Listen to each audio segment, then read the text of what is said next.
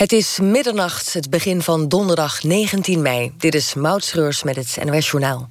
Het opslaan van hoog radioactief afval in petten gebeurt onveilig en onwettig. Dat zegt oud-directeur Frans Saris van het Energieonderzoekscentrum Nederland.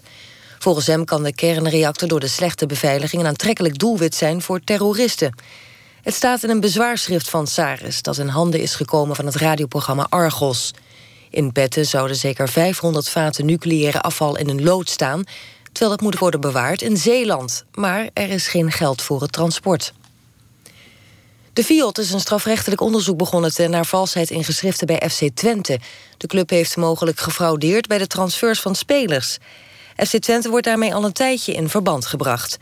Zo zouden onder meer de verkoop van Dusan Tadic en de aankoop van Jesus Corona niet in de haak zijn geweest. Het OM noemt geen namen en zegt dat het onderzoek maanden gaat duren. Juist vandaag besloot de KNVB dat FC Twente verder moet in de eerste divisie vanwege financieel wanbeleid in het verleden. De vandalen die afgelopen weekend hebben huisgehouden in het oude dierenpark Emmen hebben hun slooptocht gefilmd. De video is in handen van RTV Drenthe. Te zien is onder meer hoe jongeren een brandblusser door het glas van een deur gooien. De schade in de voormalige dierentuin loopt in de tonnen. Er zijn ook schilderijen vernield. Er zijn nog geen verdachten aangehouden. Voor de derde keer op rij heeft Sevilla de Europa League gewonnen. In Basel wonnen de Spanjaarden met 3-1 van Liverpool.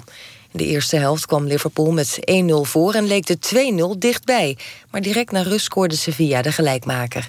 Daarna kwam Liverpool er nauwelijks meer aan te pas... en scoorde de Spanjaarden nog twee keer. Het was sinds 1978 niet meer voorgekomen... dat een club drie Europese bekers op rij wint. Het weer nog vannacht overal droog. Het koelt af naar een graad of 9. Overdag wat ruimte voor de zon. Het wordt tussen 18 en 20 graden. En dit was het NOS Journaal. NPO Radio 1. VPRO. Nooit meer slapen.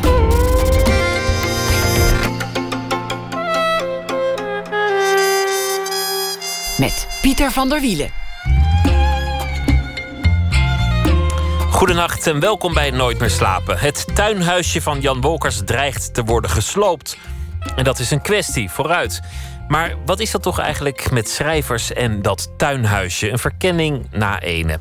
Dan ook een gesprek met Robert-Jan Henkes, die Russische kindergedichten heeft vertaald. En Jamal Uriachi, die de voorbije dag zal samenvatten in een verhaal. Maar we beginnen met Jan Boor. Hij heeft een nieuw boekje geschreven. Onzen heet het boek. Dat kun je op meerdere manieren lezen. Een variant op onzin, maar ook op het samenvatten van alles wat niet zen is. En het gaat over de zin en de onzin van zen-boeddhisme en over moderne spiritualiteit. Jan Boor is filosoof, heeft zich eh, het hele leven bezig gehouden met zowel het westerse als het oosterse denken. Mhm. En ook de grens tussen wat nog denken is en wat iets anders wordt. Waar houden woorden op als het gaat over het denken? En waar beginnen andere dingen? Hij heeft uh, meerdere boeken geschreven. De verbeelding van het denken. Meer dan 100.000 exemplaren zijn daarvan verkocht. Op de grens van het denken. Een nieuwe geschiedenis van de filosofie. En in 2015 verscheen zijn laatste boek Mondriaan, filosoof. Geboren in 1946. En al sinds de jaren 60 bezig met onder meer het zen-boeddhisme. Hartelijk welkom, Ja. Jan Boor. Hoi, leuk. Laten, we daar, laten we daar eens mee beginnen. Met, met die vragen die jou het hele leven hebben bezighouden. Wat, wat, wat is bestaan? Wat is denken? Wat is taal? Wie ben ik? Ja. En je zegt zelf, dat begon al heel jong. Bij een eerste jeugdherinnering. Namelijk een zieke tweelingbroer. Ja. Wat, wat was er aan de hand? Eh, hij, eh, mijn tweelingbroertje, eh, die had difterie. En het was toen heel ernstig. Hè? Nu heb je daar veel antibiotica voor, weet ik wat. Dat is niet de eerste herinnering, denk ik. Omdat ik nu zie, eh, omdat ik een, een, zoontje heb van vijf... dan zie je dat je nog vroeger herinneringen hebt. Maar dat wel de meest indrukwekkende herinnering. Het was op, eh, op ons derde jaar. En eh, ik zag... ik sta in de gang, laat ik het zo zeggen. Het is, ik, het is een beeld. En ik kijk de slaapkamer in waar de dokter was, dokter Philipszoon. Dat was een, een wijze man, een Surinaamse wijze man. Eh, mijn ouders eh, zeer zenuwachtig. En eh, ik besefte wel dat, het, dat mijn broertje zeg maar, wel dood had kunnen gaan. Dus dat was een. en aangezien je een tweeling bent, je bent toch heel erg verbonden. Hè? Dus je, bent min of meer één met dat broertje. Tegelijk geboren, samen in die buik gezeten. en hoor. één van de twee gaat misschien wel dood. Had je eigenlijk enig idee wat dood zijn ja, dat, was? Dat, dat, dat je hebt de woorden niet, hè, denk ik. Uh, of misschien enkele woordjes, maar dat besef je heel goed. Het is zo'n een, een, beeld wat in mijn geheugen zit. En uh, je, je, ik heb op dat moment beseft dat ik eigenlijk zelf dan ook dood kon gaan. Dat je, uh, je zakt eigenlijk door de grond. Dat herinner ik me heel goed. Je voelde dus een soort gevaar? Ja, heel erg. Je, voelde dat er iets aan de hand was, dat er een paniek was. Misschien was dat via je ouders op jou overgekomen. Of misschien zag je het gewoon in, in, de, in de strijd van je broertje of in de blik van de dokter. en voelde ik. Hè. Kinderen voelen alles. Hè. Dus ik, ik, ik, hij herinnert het zich niet meer. Maar hij was, hij was echt op het randje van de dood hoor. Het was, uh, het was linkersoep. En uh, ja, je kijkt altijd terug. Je kunt ook zeggen het geheugen bedrieg je. Dat zeggen uh, geheugen, psychologen, deskundigen. Of je hebt er later, later, iets van gemaakt. Of, of je hecht er nu veel waarde aan. Maar, maar dat maakt misschien niet zoveel uit. Omdat het toch een gegeven in je leven is geworden. En je bent de enige die daar zelf op kan beschouwen. In, in, in die zin. Ja. En dit is hoe jij denkt dat het is. En dan ben je er maar mee opgescheept. Een kind van drie met besef van sterfelijkheid. Waar anderen net de dinky toys ontdekken. Ontdekte jij de dood. Ja. En daarmee ook de, de nietigheid van je eigen bestaan. En de vraag Inderdaad. wat bestaan is en wie je zelf bent. Al die woorden had je niet, maar het, het besef is er wel. Dat betekent dus, dat is eigenlijk al interessant dat, uh, dat er onder die woorden, zal ik maar zeggen, een besef is. Hè, wat, wat, wat voor de woorden is. Hè, wat inderdaad een thema is in mijn denken. Hè. Maar dat besef was er heel erg. De het besef ook van de nietigheid. Dat het gewoon patsboom in één klap voorbij kon zijn. Wat veranderde dat toen, toen je drie, vier, vijf, zes was? Nee, daarna, daarna vergeet je dat weer. Ja? Dus het was niet dus- dat je een tobberig kind werd hierdoor? Nee, nee, nee. Oké. Nee, nee. En, Gelukkig. Nee, dat, dat, uh, je vergeet het. Uh, het kwam een keer, toen ik nog veel mediteerde, kwam het ineens plop naar boven. En, maar die herinnering zat er wel. En, en, en, en, uh, en ik heb eigenlijk altijd daardoor ook. ik was eigenlijk altijd bang. Hè?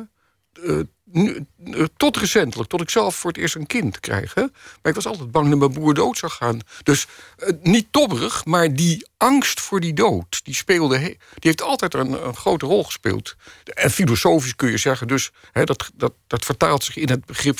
belangrijk begrip in de Oosterse tradities... het, het idee van het niets, het niet zijn. Natuurlijk een fascinerend iets. Wat is niets? En hoe, hoe kun je ooit begrijpen wat niets is? Omdat je het altijd vanuit een iets moet doen. Maar, maar, laten we daar nog even mee wachten. jouw vader was schilder. Ja. Je, je omschrijft op meerdere plekken je, het gezin waarin je opgroeide als een 19e eeuwse omgeving. Ja, dat was uh, streng, ik, ik, noem het maar een streng artistiek milieu. Ja, de, uh, hoogstaande idealen, uh, klassieke muziek met de paplepel ingegoten als klein uh, jongetje, je, je wordt uh, naar het Rijks uh, meegenomen. Je ziet schilderijen, ook in boeken. Daar klaag ik ook niet over. Dat is dus eigenlijk een opvoeding van de zintuigen. Hè, wat we misschien tegenwoordig in onze opvoeding vergeten. Maar het hield wel ergens op in de... het eindigde in, de, in het einde van de 19e eeuw. Klassieke muziek, goede kunstenaars, literatuur, noem maar op. En ook. Nee, geen literatuur opvallend. Geen nee, literatuur. Nee, geen, nee, ik heb wel, als ik het hard zeg, maar dat is niet zo. Maar het was een beetje illiterate. Het, het was uh, uh, schilderkunst en, uh, en muziek. Want jouw vader schilderde zelf. Wat, wat voor ja. werk maakte hij? Ja, wat ze noemen in de traditie van het magisch realisme. de grote zijn dan Willink of Heinkes, Hinkes, hoe je het noemt, Pijken Kocht. Die bewonderde hij ook. Uh, maar het was wel iemand, als je, als je googelt Jan Boor... dan krijg je Jan Boor junior, die zit tegenover mij. Ja. En Jan Boor senior, de schilder. Ja, nog steeds op, op veel plekken te vinden. Nog steeds iemand die vaak wordt aangehaald, genoemd, hij, bekeken. Uh, een, een, aantal schilderijen van hem zijn in, in de musea. Dus dat is leuk. Jan Boor was al dus iemand voor jij zeggen, We hebben niet voor niks geleden onder, onder, al die cultuur. Ja, onder al die cultuur. In die 19e eeuwse omgeving moest je jezelf bekwamen in iets. Of het nou een, een viool was of een kwast. Dat, dat gaat heel erg over studie. Langzaamaan beter worden. Ja. Wat hadden je ouders gehoopt dat jij ging doen? Uh, als ik het wat, wat, wat extreem zeg. Mijn vader was alleen maar, uh, eigenlijk alleen maar geïnteresseerd in die viool. Hij heeft in die tijd zijn penseel neergelegd. Dat werk, dat soort werk was ook niet. Uh, men was er niet ontvankelijk meer voor. En, maar hij was een, een fanatiek liefhebber en, en, en ook een, een, een, docent in de viool. En ik weet niet of mijn vader nou gewild had dat ik viool zou spelen, want hij had al twee heel talentvolle kinderen. Uh, maar derhalve was hij niet echt geïnteresseerd in wat ik deed. In wat je wel was gaan doen? En wat ik ben gaan doen. Dat ja. interesseerde hem niet. Want je, je raakte al heel jong geïnteresseerd in, in die Oosterse filosofie. Ja. Ja. Dat, dat Oosterse denken de spiritualiteit zou je het tegenwoordig noemen. Maar dat is natuurlijk ook een beetje een modderig ja, zo'n begrip. Hè, rot begrip. Wanneer begon het? Wat was het moment dat dat voor het eerst in je, in je bestaan kwam... Ja, en je begon te interesseren? Al heel vroeg, uh, uh, als jonge man. Hè, dat, uh, dat waren ook dan, noemen we de jaren zestig. je wisselde boeken uit, vrienden wisselden boeken uit. En dan kreeg je een boekje over yoga of, of, of iets boeddhistisch of, whatever. En dat was toen, moet je wel beseffen, dat lag niet in de boekwinkels. Dat waren unieke boekjes. Hè. Die, die, die, die, die, die werden echt zo doorgegeven. De enige plek, wat ik me nog herinner, waar je echt moest zijn om dat soort boekjes te vinden, was de bibliotheek van de Theosofische Vereniging in de Tolstraat. En uh, het was een beetje stoffig gedoe. Maar wat, wat, wat ik me wel herinner, die mensen waren altijd heel erg aardig. En die hadden al die boeken, naast ook hun esoterische gedoe. Hè. Oh, ja, natuurlijk, hè, dat is een esoterische club, whatever dat may mean. Hè. Maar uh, ze hadden natuurlijk die boeken. En uh, als je daar kwam, en ze, ze, hadden ook boeken die, die, ze, die ze wegdeden. En dan, kwam je, uh, ik herinner me nog, ik had op een gegeven moment zeg maar, de Bhagavad Gita, een van de belangrijke Indiase teksten, een vertaling van, van meneer dokter stond erbij, Wassevin een Sanskritist. Ergens aan het begin van de eeuw. Dus dat soort boekjes, die, die, die, die probeerde je te lezen. Maar dan was je al vrij fanatiek als je naar de esoterische bibliotheek fietste. Dan, dan was je al verder gevorderd dan heel veel anderen die zich bezighouden met zen, met boeddhisme, met spiritualiteit of meditatie. Ja, maar dat was toen heel weinig. Hè? Dat waren maar heel weinig mensen die ermee bezig waren. Ja? Het was een klein clubje. Was, het dat... ook, was ook een daad van verzet tegen het 19e eeuwse milieu? Zou kunnen. Maar, het, maar ook een, een daad van, ik ga het zelf, ik wil heel graag zelf uitzoeken hoe het in elkaar zit. Hoe wat in elkaar zit? Hoe, hoe, hoe het leven in elkaar zit, wat ik zelf wil doen. Ik wil niet, uh, zeg maar, dat doen uh, uh, wat, wat mijn ouders alleen maar geweldig vinden.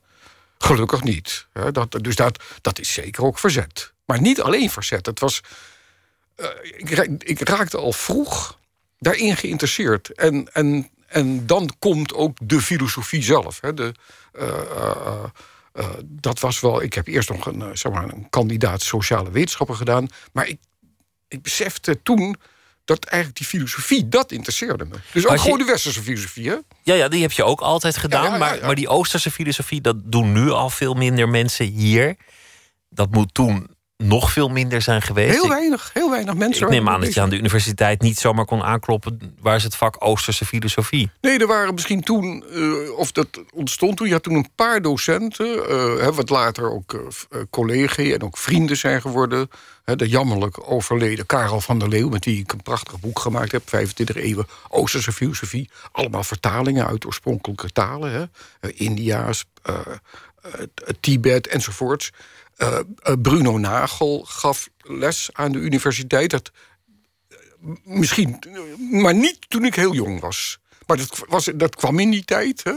Maar het, is, uh, het, het, het, het, wordt nog steeds met, met argusogen bekeken. Wat natuurlijk heel raar is, hè? omdat we in een mondiale samenleving zitten.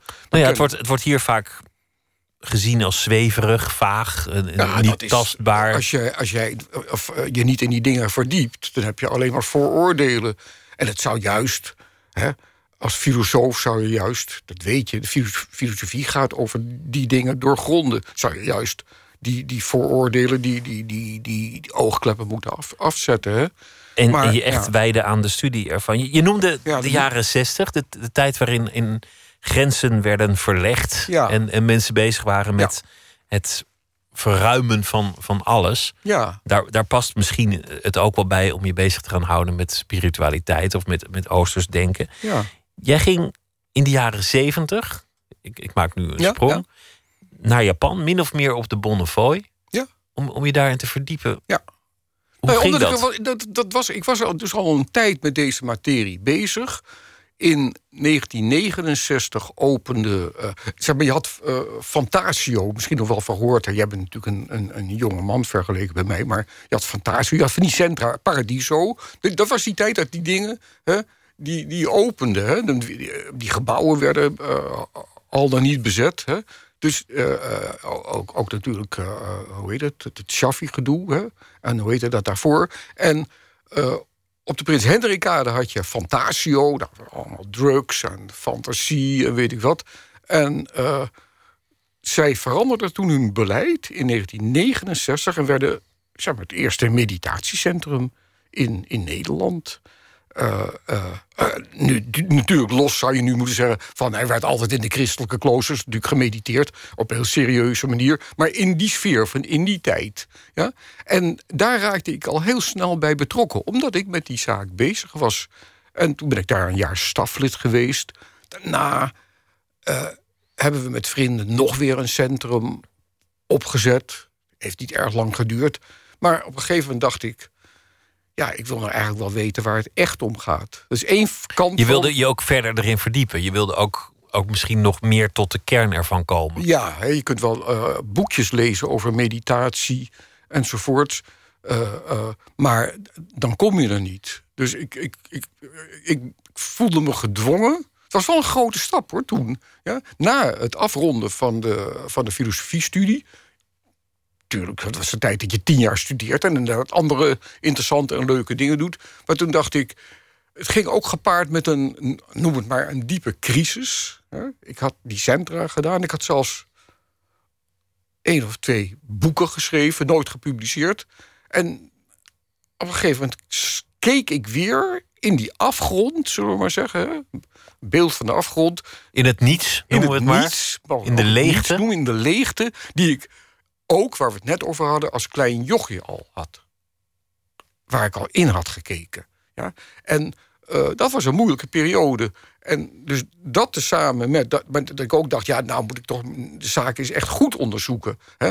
Filosofie, dat studeer je. Dat, je gaat die grote boeken lezen, Kant, Hegel enzovoorts. Dus ik wilde naar de bron toe. En toen ben ik naar Japan gegaan. Je zegt het niets. En dan zeg je ja, moeilijk begrip. We hebben het over spiritualiteit. Je zegt ja, whatever that may be. mo- Moeilijk begrip. Ja, dat zijn het ook. Dat is eigenlijk waar we het nu over hebben. Ja, Datgene waar je geen woorden aan kunt geven, maar wat je wel wil overdenken. Dingen die je niet Ja. echt met woorden kunt Ja. grijpen. maar die we wel ervaren. Hè? We, kunnen, we, we kunnen in bepaalde periodes in ons leven een leegte ervaren. Hè? Alsof het leven onvervuld is. Hè? Er zit altijd, eh, eh, dat ontdek je dan later, hè? eh, er zit altijd verlangen achter deze dingen. Ook verlangen is een heel erg belangrijk begrip. Hè? En de echte grote denkers, zoals Plato, eh, weet ik veel wie, hè? Eh, eh, Spinoza niet te vergeten, hè? die hebben daarover nagedacht. Eh, dus er was een. een, een eh, je zoekt. hè, In die filosofie was voor mij ook een serieuze zoektocht. Niet alleen maar teksten lezen. Nee, ik wilde antwoorden op vragen. Ja? Maar antwoorden die ook voorbij de tekst gingen, antwoorden die voorbij Ja. de taal gingen. Je wilde datgene waar je nooit bij kon, dat je voelde, dat, Ja. dat, je, dat je hebt ervaren. Het gevoel van een driejarig kind die, die zijn Juist. broertje ziet sputteren. Ja. Dat wilde je bevatten. En dat lukte niet met taal, want taal Nee. reikte tekort. Met taal omdat- zou je zeggen, nou ja, ziek, dood, allemaal perfect Taal hanteerbare taal labels. is fantastisch. Hè? Ik, ik, ik, ik druk me uit in taal. Taal is Maar- alles wat we hebben, denk ik. Ja, soort of. Nou, we hebben natuurlijk gevoelens hè, en verlangens. Hè. Eh, eh, maar die drukken zich dan to- toch altijd weer in taal... of in muziek of in eh, beeldende kunst enzovoorts, uit. Hè.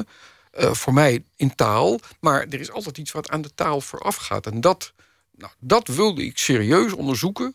Zeg maar, door, en daarom ging ik naar Japan. Maar dan kom je daar in Japan als eh, toch nog een beetje een snotneusje. En je, je hebt Ja. de, Trans-Siberië Express genomen, want je neemt de toeristische route. Ja. Dus je komt daar aan en dan ga je naar iemand van wie je de naam hebt gehoord, die een, een grootmeester in, in meditatie of boeddhisme is. Ja. Een, een, een meester in de zen. En dan kom je daar aan Ja. als Westerling. En dan zeg je: Leer mij mediteren, leer mij wat zen is, leer mij de zin van het bestaan. Wat, Nou, wat, was de vraag? eh, eh, leer mij wat zen is. En wat zegt zo'n man? Wat ik me nog herinner, dat heeft grote indruk op me gemaakt. Ik, ik was wel afgestudeerd filosoof. En eh, eh, eh, nogmaals, had, had dingen gedaan. Was directeur geweest van zo'n club, en weet ik wat. Maar ik was in een hele diepe twijfel terechtgekomen over alles. Alles, hè. En, eh, eh, nou ja, dat is toch wel indrukwekkend.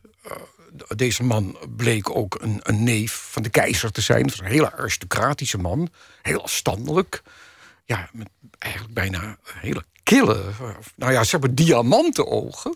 Ja? Nou, je zit daar eh, op je knieën, eh, die natuurlijk ongelooflijk pijn gaan doen. Hè? Na verloop van een half uur of een uur zit je met zijn man te praten.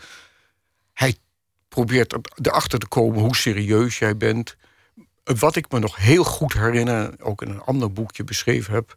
We zaten in, in dat gesprek en op een gegeven moment tilt hij een kopje op. Hè? Ik doe nu dit, dit plastic bekertje. En zegt hij: Wat is dit? En ik raakte in die twijfel. Ik, dus dat was ook wel de bedoeling.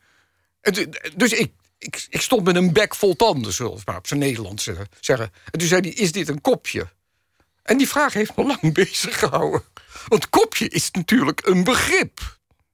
Maar wat is het eigenlijk? Wat zit er achter dat begrip? Achter het begrip kopje. Ja, wat is het? Wat is dat ding nou echt? Wat is het echt? Maar zo kun je jezelf ook wel horendol maken. Als je, als je voorbij ieder begrip moet gaan denken, dan. Kan, Dan kan kom je- maar het is wel een serieuze verzuipen. kwestie. Eh, bijvoorbeeld eh, Duchamp, de, de grote Duchamp, laat het zien. Heb, heb ik er later beseft. Wat doet hij? In 1917 hè, eh, wil hij die, die be- bekende pispot, hè, Fountain, wil hij dat? Ja, het is niet gelukt, hè, maar hij wilde hem exposeren. Ja? En dat werd geweigerd. Eh, maar het is nu een wereldberoemd ding. Wat Onlangs geloof Wat? ik voor veel geld ook geveild. Daar heeft iemand geld voor neergeteld. Voor ja, maar het van die, oorspronkelijke ding bestaat niet meer. nee, een van de ja, pispotten een- ja, een van de dingen. Ja, is duur maar verkocht. fascinerend. Eh, maar het, het heeft ook met deze, het, met deze problematiek te maken. Hij zet een pispot die niet aangesloten is aan een riool, eh, aan, aan water en weet ik wat, zet hij. Laten we zeggen dat hij hem wel in een museum zet. Naast een Mayol, een Rodin, een, eh, een Picasso toen al en weet ik wat. Wat is dat dan? Ik, ik heb het wel eens aan studenten gevraagd. Zeggen ze, ja, een kunstwerk. Nee, helemaal geen kunstwerk. Het was gewoon een pispot. Ja, die hij tussen die kunstwerken zet. Het is nu een kunstwerk. Dus nu hebben we het weer met een woord afgedekt. Maar hij wilde laten zien, en er geeft ook ergens een aanwijzing in, in teksten, hè, dat, dat hij wilde die verwondering over die pispot. Wat is het nou eigenlijk? Het is, geen, het is niet een ding waarin je gaat piezen, als ik het zo mag zeggen. Ja? Want het, het is niet aangesloten. Het staat tussen kunstwerken. Het is ook geen kunstwerk. Wat is het? Nou, eigenlijk, elk Kortom, ding voorbij kan je die gigantische verwondering voorbij de taal. Voorbij de begrippen die we nou eenmaal Ja. hebben vastgelegd. En die, die ook het denken Ja. daarmee afsluiten. Dit is een kopje, einde denken. We zijn Ja, en eruit. hij wilde mij die verwondering bijbrengen. Eh, Leek het op viool spelen? In de zin dat je, dat je, Nee, dat kwam later. dat je moest bekwamen in iets? Dat, dat, dat je nu onderaan de oh, heuvel stond? oh, oh, helemaal, ik, moest, ik was helemaal. Ik had mezelf eh, eh, daarmee, eh, zeg maar. uit de Nederlandse filosofie. Als je dat doet, dan word je niet meer serieus genomen. Het is een heel dogmatische en eigenlijk zo'n half theologische wereld. Sorry. Ik, ik, je begint helemaal opnieuw, inderdaad, onderaan. Zeker in die zen-wereld. Dat is een hele hiërarchische wereld, komen we misschien nog over te spreken. Het was ook mijn bedoeling om opnieuw te beginnen. Maar hoeveel En- uur moet je dan bijvoorbeeld mediteren of, of, of luisteren op je knieën naar die man? Of, of hoe ziet zo'n dag eruit? Wat zijn de zware momenten? Nou, eh, wat ik toen deed, eh, was eh, twee keer twee uur. Ik moet even goed denken, zo, nadenken, dat is al lang geleden. 's ochtends vroeg en tegen de avond eh, zaten we twee keer twee uur te mediteren. En dan ging ik ook nog, omdat ik vond dat het erbij hoort, zeg maar een paar uur op het kerkhof werken. Een beetje aanvegen. eh, die graven van die zen-figuren, weet ik wat. Dus eh, dat is niet zo heel zwaar. Wat zwaar is, zijn die weken die je doet. Hè, die, die zogenaamde sessions, die retraites. Dan zit je een hele week of langer. Hè? En dan mag je geen gedachten hebben, dan moet je je hoofd helemaal zuiveren van alles wat zich opdringt. Ja, dat denk je. Dat, dat, dat, dat, wordt je verteld. En, maar wat het zware wel is, het is, eh, het is in Japan. Japan is toch wel een militaire cultuur. Hè? Eh, dat ontdek je dan later. Eh, ik had me, zo- zoals mijn vrienden, je, je laat je afkeuren voor de militaire dienst. Hè, door heel gek te doen. Maar toen ik daar zat, dacht ik: shit, ik ben eigenlijk gewoon een. Een, Alsnog- mili- een militaire training aan het ondergaan. Alsnog in dienst, maar dus dan van een ander drillen. leger. Het is Ja. echt drillen. Als jij maar de minste beweging maakte in die Japanse setting... je zat heel stil in die enorme stilte... wat natuurlijk ook indrukwekkend is. En er gebeurt natuurlijk wel iets van binnen hè, in die stilte... wat ook voor de woorden is... Maar zodra je maar je bewoog, dan kwam de man met de stok... en dan kreeg je een, eh, een aantal gerichte meppen. Ook om je spieren te ontspannen. Maar dat was wel... Ik, dat, ik zou dat niet meer doen nu.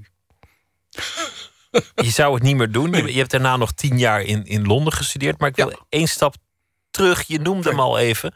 De, de verschillende centra werden opgericht in Amsterdam. Het, het- waren de jaren 60, begin jaren Ja. 70. Je verkeerde onder meer in kringen rond Ramses Shaffi. Of Ramses Shaffi verkeerde in kringen rond jou. Dat, dat- daar wil ik ja, vanaf dat, zijn. Dat, dat was eh, Shaffi en mijn, mijn jongste broer, de violist Christian. Die, waren, die, die hebben ook samen een plaat gemaakt. En eh, die waren bevriend. Eh Shaffi heeft toen ook toch een, een, een song, dat heeft hij echt een- over mij gemaakt. Draden in de morgen, heel, heel mooi nummer is dat. Ja, die hebben we hier ook Oh, dat is leuk. klaarstaan. Want, want ik, ik wilde weten wat het verhaal is achter draden in de morgen. Ja, hij, wat het verhaal is, hij zei... eh, eh, eh, ik was een hele smalle, ascetische meneer, we zeggen. Hij zei, het, het gaat, hij zei, dat nummer gaat over jou, dat zei hij. En in het nummer zelf zie je op een gegeven moment dat het over hem gaat. Maar hij, hij verwoordde zo, zeg maar, onze ontmoeting, zo- zou je kunnen zeggen. Laten we luisteren naar eh, Ramses Shaffi, Draden in de morgen.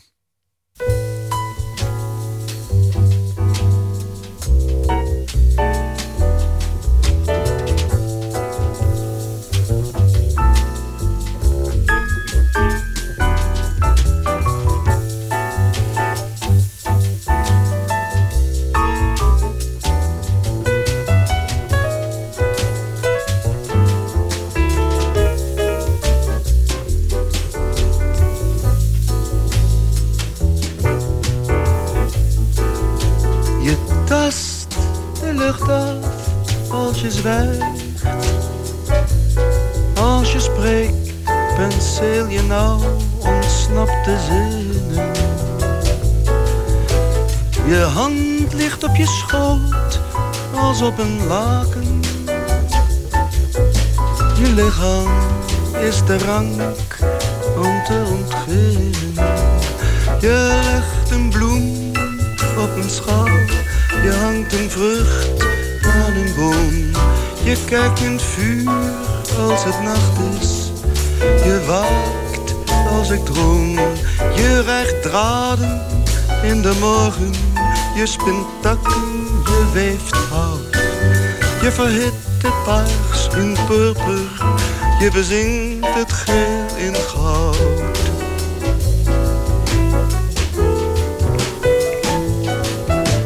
Je houdt je boeken naar het licht en vraagt je zegen voor gedrukte woorden. De bergtop is je huis en je hof. Je lichaam is het zuiden en het noorden. Je legt je blik in de wind. Je geeft je tranen je houdt je vast in de storm, want je laat me niet alleen. Je weert het onweer voor me af, je slaat de bliksem voor me terug. Je strooit voor mij een pad, je slaat voor mij een brug.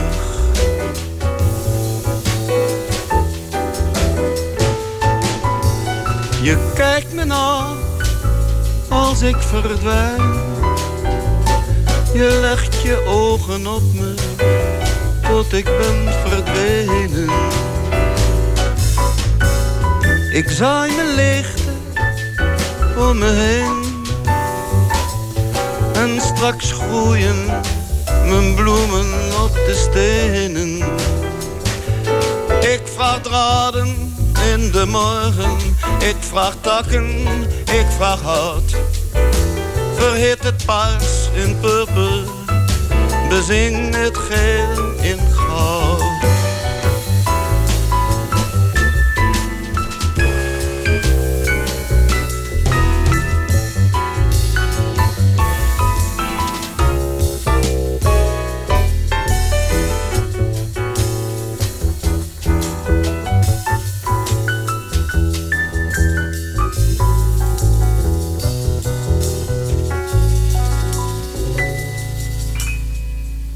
In de morgen van uh, Ramses Shaffi. Nog niet eens het beste lied van, uh, van Ramses Shaffi, maar geschreven voor zijn vriend Jan Boor, die tegenover mij zit. En uh, ja, de Belgen hadden Brel, wij hadden Shaffi. Absoluut, ja. ja. En hij heeft tegen jou ooit gezegd: Jij zult wel later ooit gelukkig worden. Ja, dat heeft hij gezegd. Heel niet. merkwaardig. Ik heb, die, ik heb het onthouden. Wat bedoelt hij daar nou mee? Hij was een, hij, le hij leed natuurlijk heel erg. Dat weten we ook allemaal. Hij zoop zich dood. En, eh, of dood. Hè? Komt ook wel goed tegen. Eh, we kwamen elkaar natuurlijk in die nachtkroeg tegen. Rietje of hoe die ook heet. Maar hij zei tegen mij: jij, jij wordt ooit gelukkig. Wat daar dat, dat je een soort van rust vindt, bedoelt hij waarschijnlijk. Jij zocht en hij vluchtte hij zocht zeggen. ook, want hij is een beetje stom van hem, eh, maar hij is toen met die bak van gegaan. Hij zocht natuurlijk heel erg. En maar hij was niet zo gedisciplineerd zoals jij dat was. Misschien dat hij daarom wel, ja, ik probeer het maar in te vullen. Maar misschien nee, dat hij, wel hij had een andere weg, zou ik zeggen. Ik bedoel, deze man heeft ons zulke krankzinnige mooie muziek nagelaten en zulke diepe blikken eh, in zijn eigen innerlijk, om in, in mijn taal te zeggen. Ja, maar dat ging bij hem met, tegelijk met die dat was discipline. Hij had natuurlijk een enorme discipline hè? Uh, uh, als, als kunstenaar. Maar dat ging tegelijk. Ja, die chaos zocht hij ook op. En, van, van uit huis gezet worden en, en dan oh, ja. weer geld zorgen. Ik nooit zo'n rots. Hij woonde toen in een van die straatjes bij de, bij de Weterings. Weet ik niet, dwarsstraat of weet ik veel hoe die straat heet. Ik heb nog nooit in, in, in, in een huis zo'n grote rotzooi gezien alles wat, wat hij at, of weet ik wat. Er lag echt een, een, een nou, misschien wel een 30 centimeter troep op de vloer, overal. maar dat herinner ik me nu ineens. Grappig. Ja, een man alleen verwilderd. Ja, ja, Of als hij alleen was op, op dat moment. Hij had altijd natuurlijk uh, vrienden, hè, mooie jongens op zich heen of uh, vriendinnen. Je vertelde net over uh, het jaar dat je in Japan was en dat je realiseerde dat je alsnog in een soort dienstplicht terecht was gekomen. Je zei terloops, mensen moeten zich realiseren dat het, dat het ook wel heel hiërarchisch is en, en heel disciplinair en, en heel onvrij. Ja. Een van de thema's in jouw leven was juist het zoeken naar vrijheid. Zeker. Naar, Zeker. naar onafhankelijkheid. Ja. Je hebt daarna nog tien jaar je gewijd aan de studie van het Zen-boeddhisme in Londen. Ja. Gepraktiseerd, zeg maar. Hè. Dat, dat, noem je dan een formele training. Ik, uh, dat was een, een, een vrouw ze heette Irmgard. Later had ze haar religieuze naam, de Venerable Myokyoni. Uh, dus altogether heb ik zo'n tien jaar dat heel serieus gedaan. En uh, langzaamaan kwamen wel hele grote twijfels naar boven. Je weet eigenlijk niet waaraan je begint. Kijk, als je filosofie gaat studeren, wat me heel erg graag dan, dan weet je, natuurlijk hè, dat je die, die grote, dikke, moeilijke boeken... ik weet niet of ze dat tegenwoordig nog doen... Hè, in het Duits, in het Frans enzovoorts... die ga je lezen en dan werk je je daar rot op. Maar uh, je, je werd ergens ingezogen. De, de, de vraag was, wat mij betreft... het was voor mij een hele reële vraag... maar je weet niet waaraan je begint. En dat heb ik eigenlijk pas later... En probeer het nu in het boekje nog ook voor een deel weer te geven. Wat is het nou eigenlijk? Wat is zen? Maar stel dat je, dat je nou ja, je, je zegt het eigenlijk niet met zoveel woorden, maar je hebt tien jaar lang je verdiept in iets, tien jaar lang iets gedaan, echt gedaan, gedaan en, en, veel tijd aan besteed, heel veel tijd aan besteed, om dan uiteindelijk jezelf de vraag te stellen: is het eigenlijk wel wat? Heb ik er wel wat aan? Ben, Ja, ik, niet, ben ik niet een doodlopende straat ingelopen? Maar dat heb ik me ook vaak over, over, over, over de, fi- zeker hoe de filosofie benaderd wordt. Hè, alleen maar teksten lezen, heb ik me dat ook gevraagd. Dus eh, eh, eh, eh, ik beschouw het niet als verloren tijd. Het, eh, eh, nee, maar je zou het niet weer doen. Ik zou niet meer nu. Hè, eh, eh, eh, eh, het, eh, ik, ik denk niet, niet dat ik het gedaan heb, maar er wordt eigenlijk in deze training wordt onderworpenheid van je gevraagd. Gehoorzaamheid is ook zo'n term. Net die- dingen waar je niet zo heel goed in bent. Nee, dit wat ik helemaal niet wil. Ik heb helemaal geen zin om mijn, eh, eh, in dit boekje een belangrijk begrip, mijn autonomie aan de willigen te hangen. Daar heb ik helemaal geen zin in. Laten we het, we het daarover hebben. Ja, want, want het is geboren uit een, een milde ergernis. De spiritualiteit die, die Ja. Rukt op. Dat is al, al, al jaren aan de hand. Ja.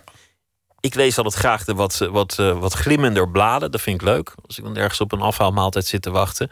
En in interviews met acteurs en actrices en, en andere Mhm. beroemdheden komt dat vaak terug. Mensen die zeggen: Ik ben boeddhist.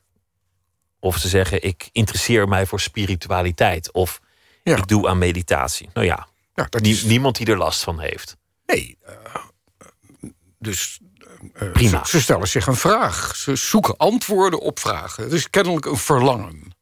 Eh, een, een vraag, ook, hè, een filosofische vraag of een andere vraag, eh, een religieuze vraag, is natuurlijk de uitdrukking van een verlangen.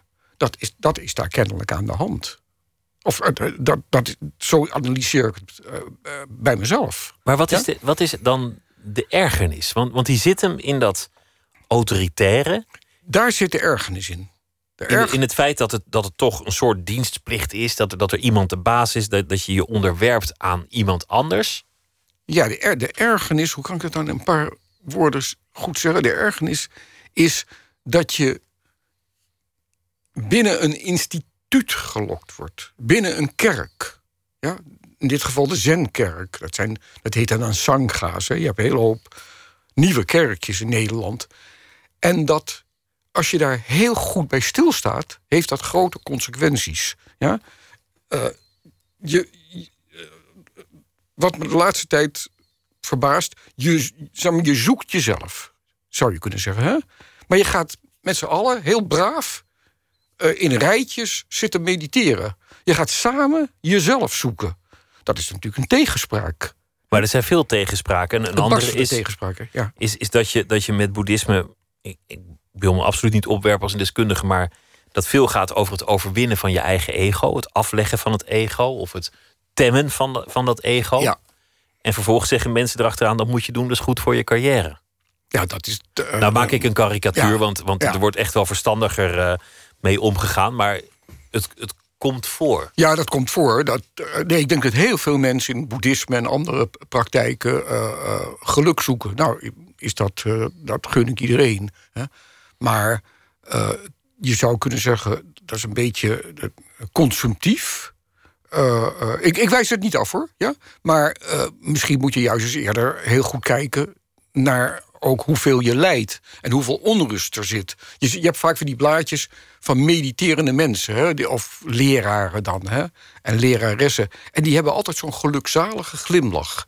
En het is voor mij teken dat ze helemaal nog nooit diep gemediteerd hebben. Want als je diep gemediteerd hebt of diep mediteert, dan kom je eigenlijk alleen maar lagen van enorme onrust en ellende en dingen tegen. Dus hè, eh, ik gun iedereen zijn geluk, maar het zou toch ook wel eens goed zijn te kijken. Mediteren is niet leuk, wil je maar zeggen. Als het goed is, kom je. De, de Boeddha die zegt het ook. Hè, de, de eerste eh, eh, eh, edele waarheid. We lijden. Eh, hij wijst dat wel aan. Dus dat mediteren is dat, dat lijden onderzoeken. Waarom lijd je? Ja? Dat- daar, ben ik nog steeds enthousiast over. Die, over wat, de, wat hij dan zegt. Hè? Eh, face effect. We lijden. Dus het, eh, ook als we alles hebben, zijn we bang om het kwijt te raken. Het is altijd een eeuwig, die eeuwige onrust... die bij Shafi dan bijvoorbeeld heel erg extreem was. En daarom ook wel weer interessant. Hè? Maar dat, dat, dat continue lijden, dat, dat, dat eigenlijk niet weten wie je bent... enzovoorts, enzovoorts... ik denk dat het daarom gaat. En niet, het is niet een. Uh, je vindt inderdaad ook heel veel Nederlandse leraren. die verdienen daar ook heel veel geld aan. die zeggen: je wordt docent gelukkiger. Maar, maar dat geloof ik niet. Help me dan even, want, want ik, dat vind ik interessant. Jij kijkt als kind naar je broertje en realiseert je ineens. wat sterfelijkheid is. Ja. Hoe nabij dat is. Ja. Daarmee kom je ook bij de vraag: wie ben ik zelf? Juist. Wat is leven? Ja. Wat dient dit alles? Juist. Hele grote vragen waar, waar de westerse filosofie je uiteindelijk misschien ook niet een antwoord op kan geven, omdat het antwoord altijd zou komen middels de taal. En daarvan zeg je net, die taal die schiet tekort. Dan zeg je, dit is een kopje, het denken houdt op, want we hebben het een kopje genoemd. Maar wat is het nou echt? Je wil verder dan die taal en daar zit hem die frustratie. Dat is, dat is die muur waar je maar tegen Maar dat is een enorme paradox. Hè? Want uh, we praten het er nu over. Hè? Ik schrijf erover. Ja? Ik kan er Weer alleen die maar, taal. Oh, altijd in die taal. Er is in de zenwereld... Dat zijn ontzettende oude hoeren. Er wordt, is ontzettend veel geschreven. De paradox is, op het moment dat je zegt... je moet uit die taal of voor het denken... dan heb je, zit je al in een, in een paradox. Maar die paradox is interessant. En daar ben ik echt 30 jaar of langer mee bezig geweest. Wat is dat dan? Wat is uit dat denken gaan? Wat is dat?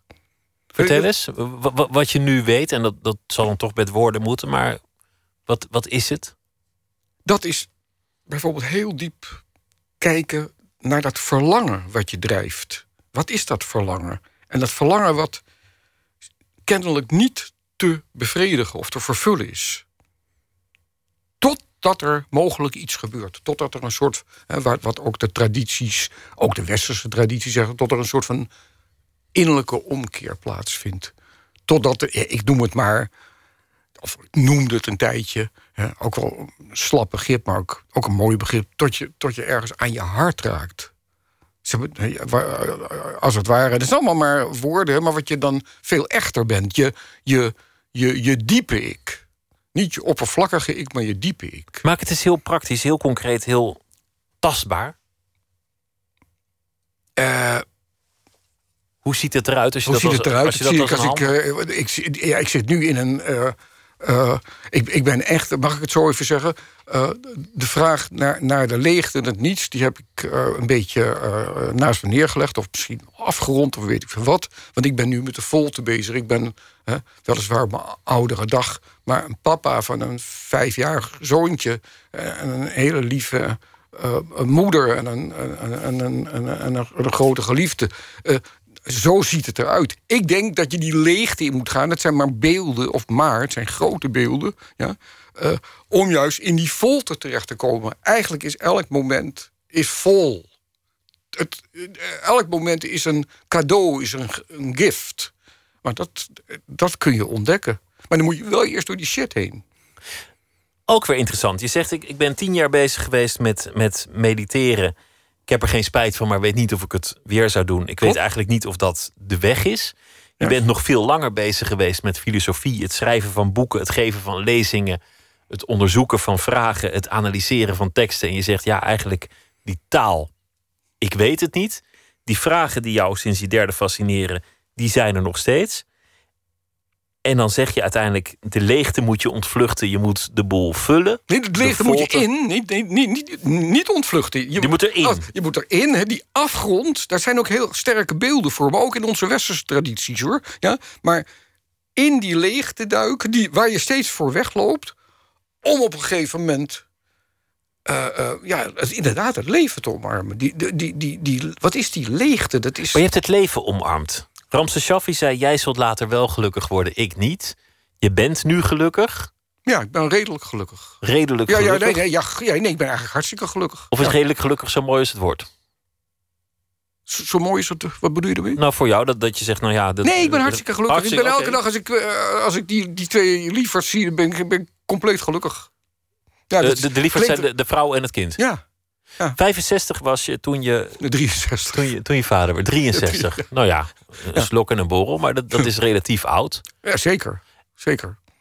Iets dat je, dat je kennelijk al die jaren of niet tegenkwam, of niet wilde, of niet mee bezig nee, was. Nee, het, het, het, gebeurde niet. We hoeven niet in details te treden, maar. Uh, het gebeurde gewoon niet. Het gebeurde niet. Of. Uh, uh, tegen mijn wens in werden ongeboren vruchten naar de abortuskliniek gebracht. Dat soort vreselijke dingen.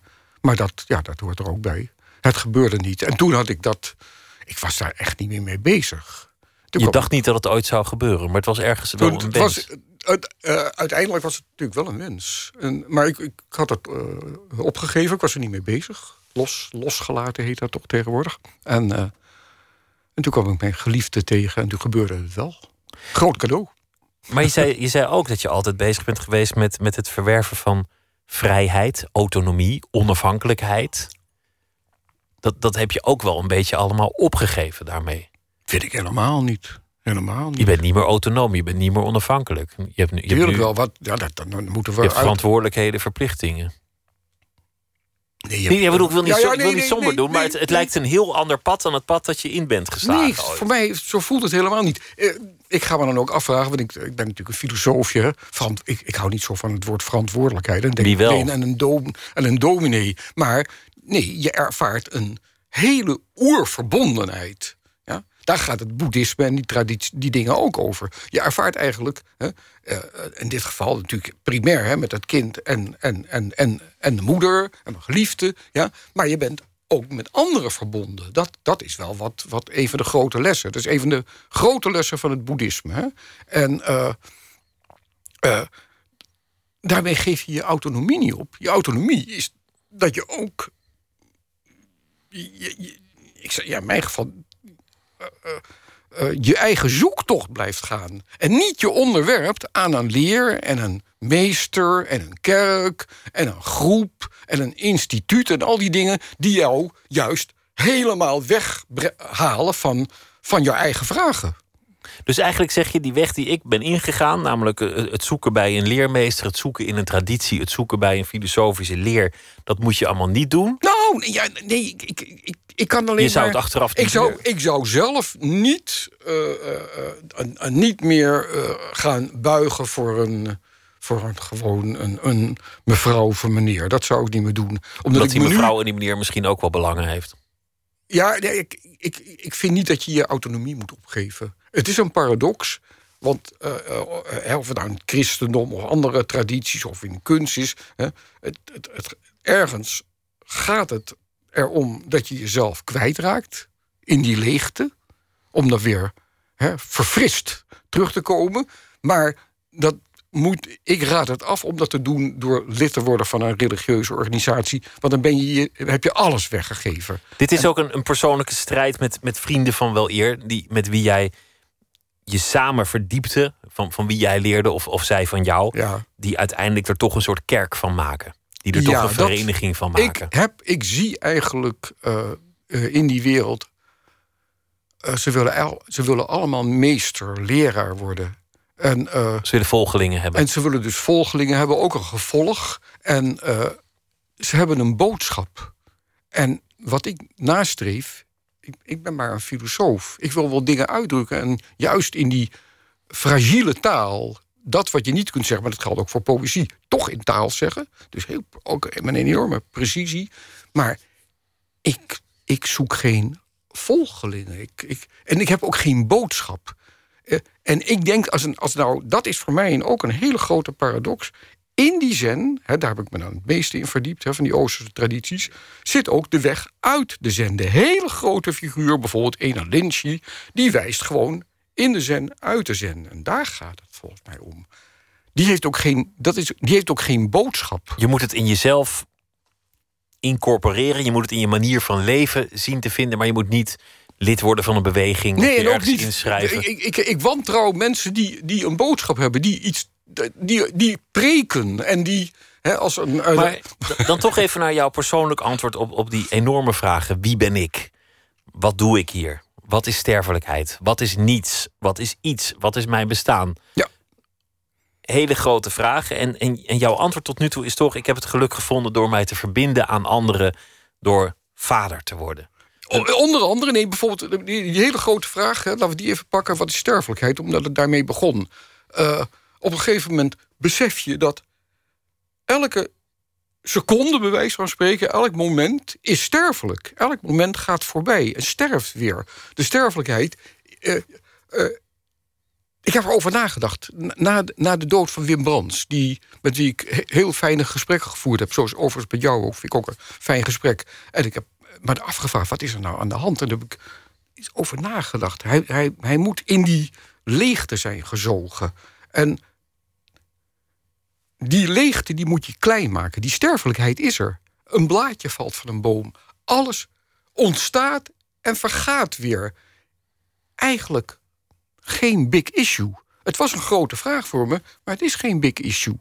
Want het hoort juist bij de vernieuwing, bij het leven, zullen we maar zeggen. Het leven is vernieuwing, is continu creatie, schoonheid, weet ik wat. Hoort ook, hoort die sterfelijkheid. Waarom is een tulp in een vaasje mooi? Ja? Niet een plastic tulp is niet mooi. Ja, die staat stil. Ja? Maar die tulp, die, die, die, die bloeit uit, die groeit, weet ik wat. En die vergaat ook weer.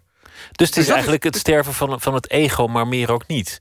Om, om toch maar dat woord ego erbij te halen. Ja. Want, want het is voor de soort goed dat, dat er exemplaren vervangen worden. Anders heb je geen evolutie. Dus, dus de natuur zegt oude lullen moeten weg. Er moet gewoon af en toe ja, een nieuwe generatie het aankomen. leven gaat door. En, en, en de maden die, nou het schijnt trouwens niet letterlijk zo te zijn, maar vooruit, die, die eten weer van de kadavers. En, uh, en daar komen weer plantjes. En, en zo gaat alles wel door. Het leven gaat door. Het maar leven gaat door. In jouw persoon. Ja, en laten we daar.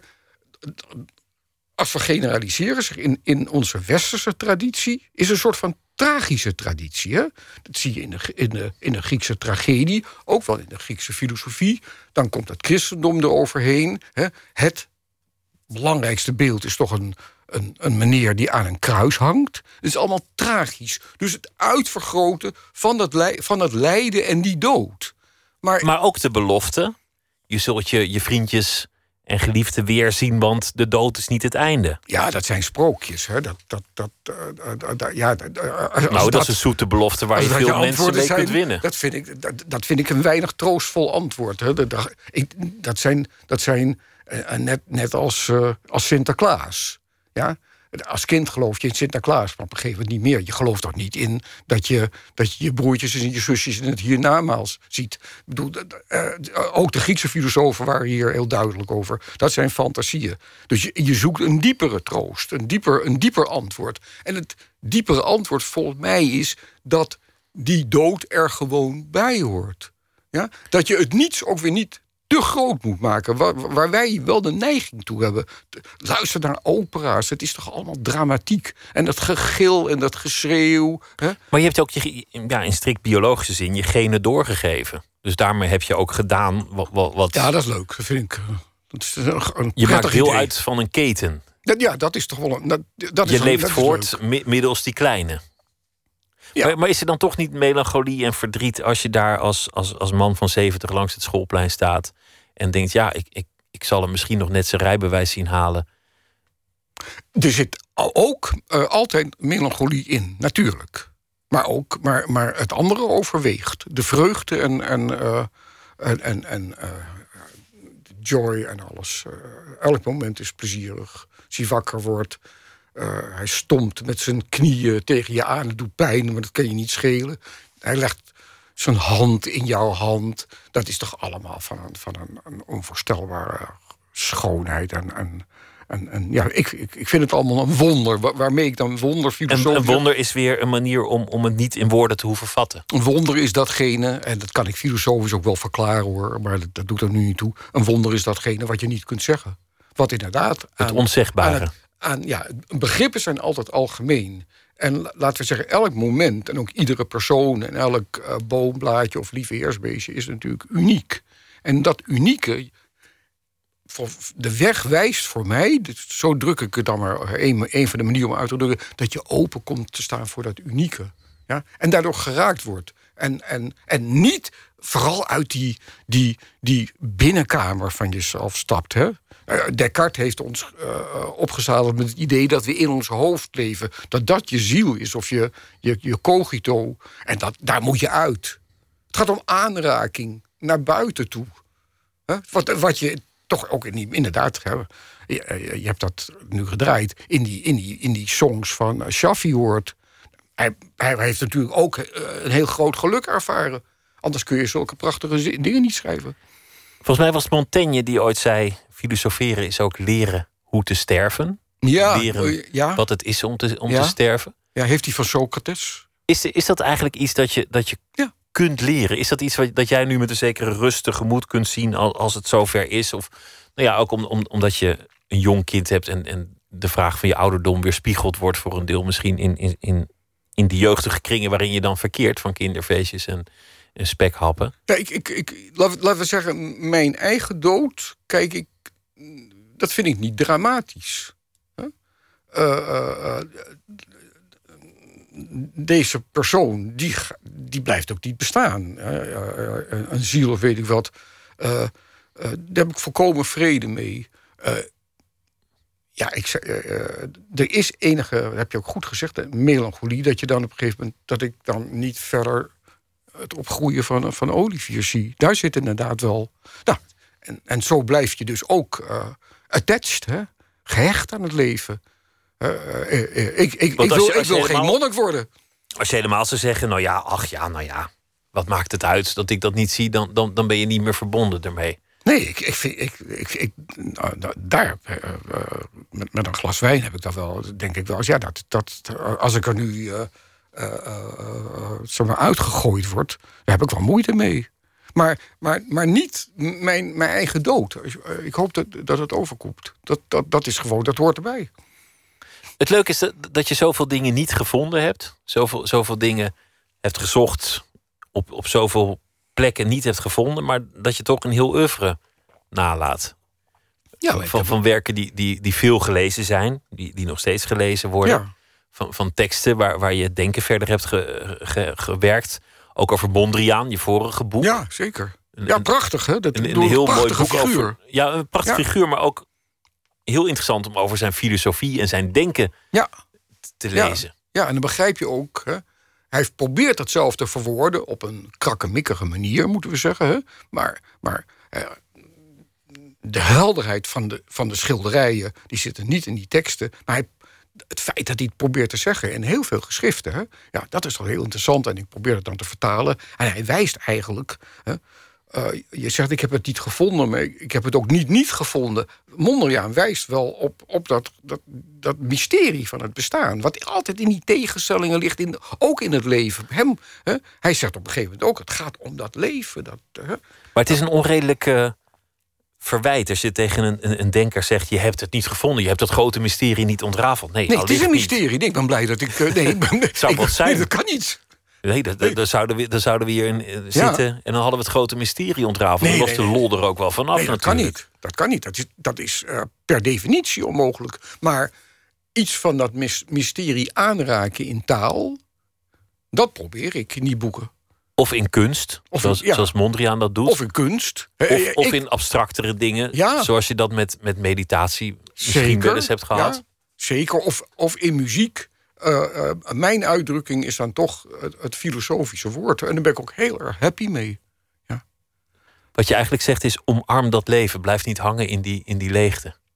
Ja, en blijf ook inderdaad niet hangen, al weet ik niet precies wat het ik is. Maar laten we zeggen, blijf niet hangen in, in beelden die je van jezelf hebt. Ja, dat is erg lastig. Hè? Van ik ben belangrijk, of ik heb dit, of ik heb zoveel boeken geschreven, enzovoorts. Hè? Of ik heb zoveel geld op mijn bank. Hè, Flikker dat weg, gooi dat in de vuilnisbak.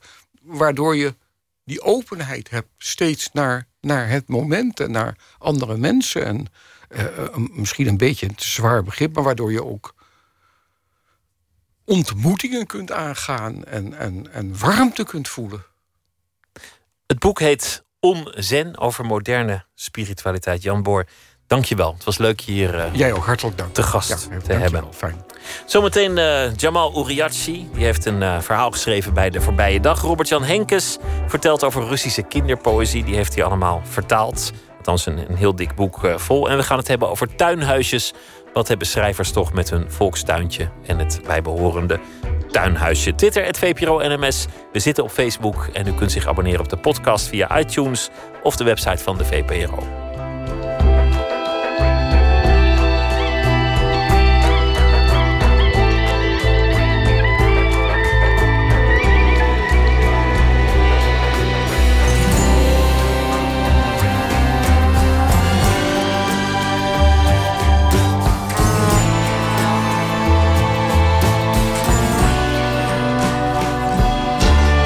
Radio 1. Het nieuws van alle kanten.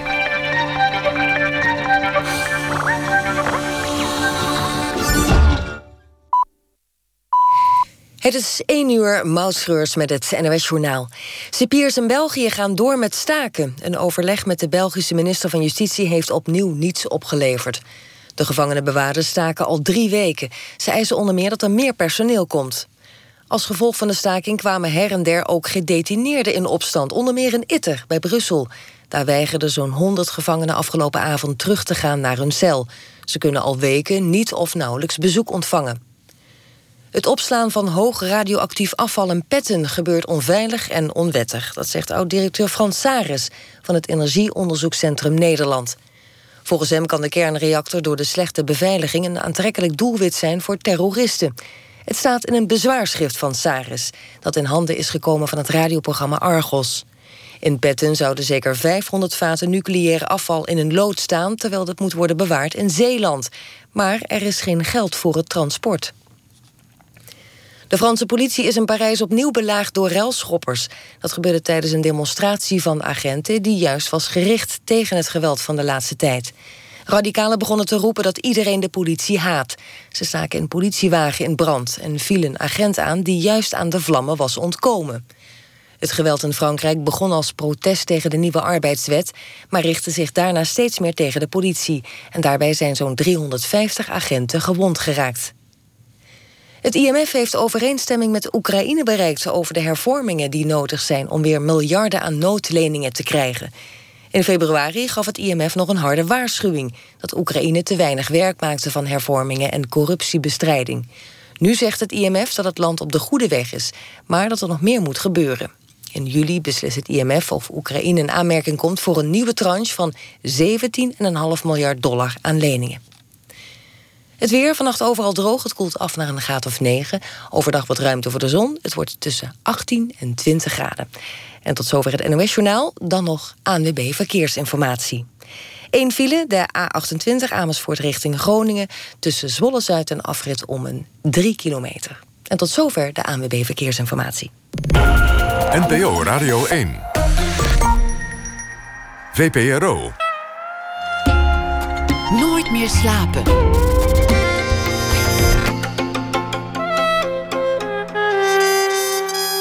Met Pieter van der Wielen. Zometeen komt Robert-Jan Henkes langs om te vertellen over Bij mij op de maan. Een boek met uit het Russisch vertaalde kinderpoëzie. Aandacht voor Songspiel My Videoland. Een uh, project van regisseur Paul Koek. Met 14 acteurs en muzikanten. Waarvan vier met een verstandelijke beperking. Maar allereerst Jamal Uriachi. Hij is uh, schrijver en deze week zal hij elke nacht een verhaal voordragen. Geïnspireerd op de voorbije dag. Zijn laatste boek heet Een Honger. En werd bekroond met de BNG Bank Literatuurprijs. Jamal, goeienacht. Goeienacht, Pieter. Vertel eens, wat, uh, wat hield je bezig? Wat dat bezig hield? Uh, ja, een gevalletje eigenlijk dat uh, niet heel actueel is. Of eigenlijk is het dit hele jaar zo'n beetje actueel. het is 40 jaar geleden dat de film Taxi Driver werd uitgebracht. En ik las op een of andere Amerikaanse nieuwssite een soort verslagje van een bijeenkomst in New York met cast en crew van die film. En was er vragen beantwoord uit het publiek. Um, daar viel me een zinnetje op in het artikel, uh, een uitspraak van Robert De Niro. En dat, dat was eigenlijk uh, voor mij vandaag de aanleiding om een verhaal daarover te schrijven. Ik ben benieuwd. Uh, nou komt ie. In de 40 jaar, sinds het verschijnen van de film Taxi Driver, is hoofdrolspeler Robert De Niro elke dag wel een keer op straat door iemand aangesproken met de woorden You talking to me? Elke dag. 40 jaar lang. Dat is 14.610 keer You talking to me. Schrikkeljaren meegerekend. Hoe ziet dat eruit in het hoofd van De Niro? Ik stel me zo voor dat hij zich een paar specifieke ontmoetingen kan herinneren, maar dat de rest is samengesmolten tot één enkele ontmoeting. Een beetje als je je zonder meer de eerste keer herinnert dat je met iemand naar bed ging, omdat het de eerste keer was. Dat je de keren daarna onthoudt is minder vanzelfsprekend. Als ik door oude dagboeken blader, kom ik wel eens een naam tegen waarvan ik denk, echt, met die? Of wie? In het verhaal Funes de Allesonthouder beschrijft de Argentijnse auteur Borges een jongeman die niet in staat is te vergeten. Hij is verlamd en brengt het grootste deel van zijn tijd door in een donkere kamer om zichzelf tegen al te veel nieuwe indrukken te beschermen, want elke indruk beklijft. Het lastige is, zijn herinneringen klonteren niet samen tot één algemeen begrip. Borges schrijft, het zat hem dwars dat de hond van 3 uur 14, van opzij gezien, dezelfde naam had, hond, als de hond van 4 uur 3, van voren gezien. En verderop staat, denken is verschillen vergeten. Ik ben vergeten of Robert De Niro in zijn hoedanigheid van Travis Bickle nou zelfmoord pleegt op het einde van Taxi Driver, of dat hij door anderen wordt neergeschoten. Toch weer eens kijken, die film. Ja, inderdaad, toch weer eens kijken. Wel een indrukwekkende film. En ook, Zeker. ook, ook wel een, een interessante beschouwing. Dat, dat het, het geheugen samenklontert. Dat, dat je op een ja. gegeven moment dingen niet meer ziet. Dat, dat je het eigenlijk Dat- ook dat niet meer weet. ja. ja, een soort abstractie eigenlijk eh, krijg je op den duur als je iets heel vaak meemaakt. Eh, ja. Waardoor je ook niet meer echt kijkt en ook eigenlijk niet meer weet of het anders is dan de vorige keer. Omdat je lang niet meer oplet, want je geheugen is alweer aan het werk. En Ja, vertoont precies. dia van gisteren. Ja, het is een, je een ontwikkeld een soort blinde vlek waarschijnlijk ervoor. Ja, behalve Robert De Niro, dus die, die vermoedelijk elke keer nog getergd reageert als er weer een idioot hem afkomt met dat zinnetje. Maar nou ja, dat is, eh, dat is het lot van de acteur. Het lot van de acteur en, eh, en, en jouw lot dat je dan ook niet meer precies weet met wie je allemaal geslapen hebt. Vond ik ook een eh, interessante Ook constatering. dat kan gebeuren. Ja, niet een, eh, nee, geen enorme lijst hoor. Maar het, het, Er kan er wel eens eentje je ontschoten zijn. Ach ja, Ja, precies. Ja, ja. het was laat en, en telt het nou mee. Jamal, goeie nacht en eh, graag weer tot morgen. Tot morgen.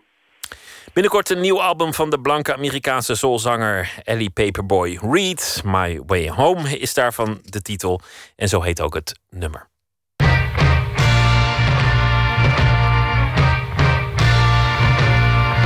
When I can't run anymore, I will walk.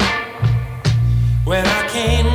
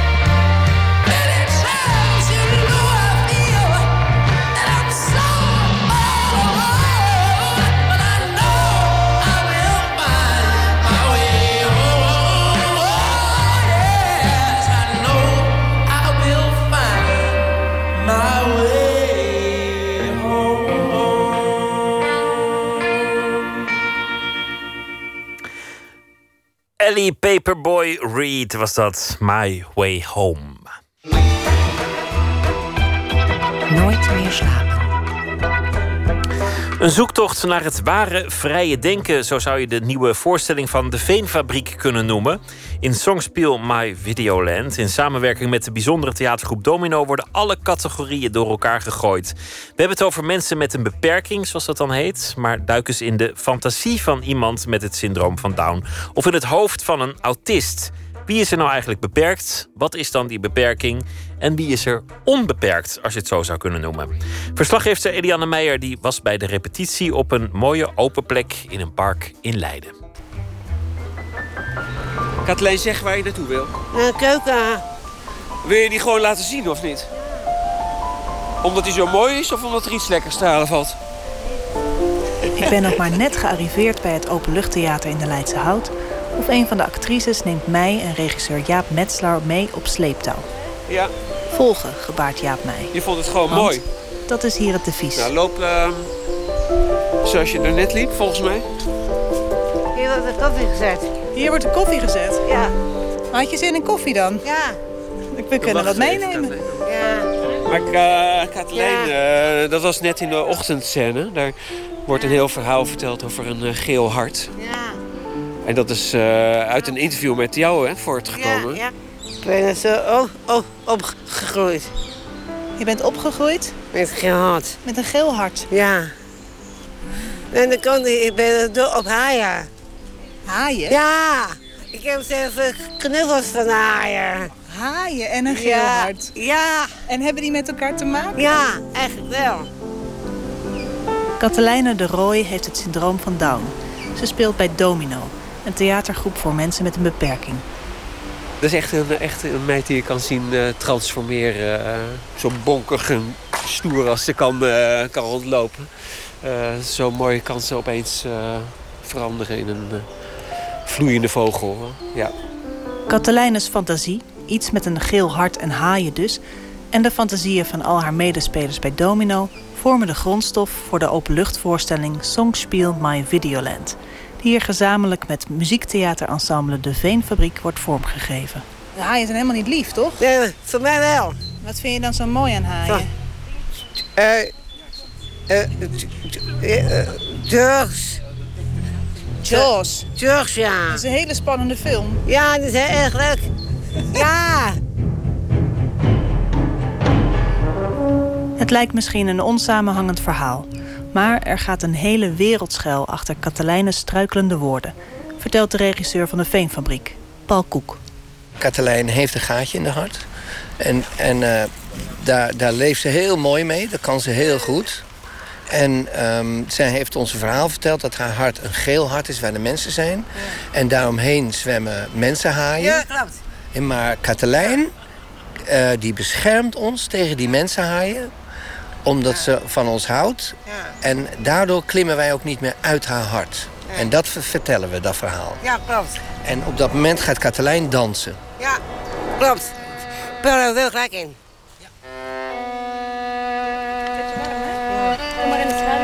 Oké, ehm, heel erg mooi. Eh, Dat geldt ook voor Katelijn, Tabita. Ehm, jullie vlinders waren... Eh, ja, ik heb ze nog nooit zo mooi gezien. Heel erg mooi. Eh, Lars, ja, perfect. Gewoon, eh, ga, blijf maar lekker zo bezig. De voorstelling gaat over een, een groot aantal verschillende werkelijkheden... uiteindelijk naar elkaar te laten groeien en een nieuwe werkelijkheid te worden. En dat is halverwege de voorstelling zou ik graag willen dat dat voelbaar is. En dat die werkelijkheid dan opeens bezit heeft genomen van het publiek... de domino's acteurs, onze acteurs en muzikanten... en de plek waar we zitten. Dat er echt, echt een nieuwe wereld ontstaat. Ja, dat hoop ik wel. Het klinkt heel magisch. Alsof het ook ter plekke moet gebeuren. Dat, dat, dat, is, dat, dat moet, ja.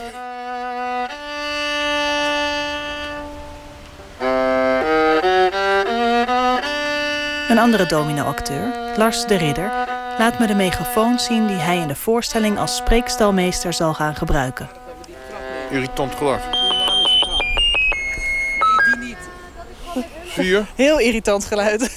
maar daar ga jij zo meteen mee eh, Mee omroepen. praten. Ja, precies. Komt zo meteen daar helemaal vol te zitten met mensen, hè? Ja, dat komt helemaal vol te zitten en dan eh, moet, het goed, eh, moet het goed verstaanbaar zijn. Domino-regisseur Jaap Metslaar heeft niet vaak mensen in zijn groep die zo goed met taal zijn als Lars. Elke keer als hij ergens speelt, eh, dan zijn mensen verwonderd of verbaasd over hem. Ik ben gekomen vanwege mijn goede spraaktalenten. Maar ook vanwege mijn goede speeltalenten. Ben je een goede acteur? Jawel. Mijn bedoeling is zo, eh, was om zo goed te worden dat, eh, dat zelfs eh, groepen, theatergroepen vanuit verre plaatsen, vanuit Nederland of van andere plekken vanuit Nederland of vanuit het buitenland, dat ze je zo graag willen hebben dat ze geldbedragen bij je theatergroep zouden geven. Als een, Speciaal soort, om jou te hebben. als een soort voetballer wil je verhandeld worden. Precies. Vier figuren komen aan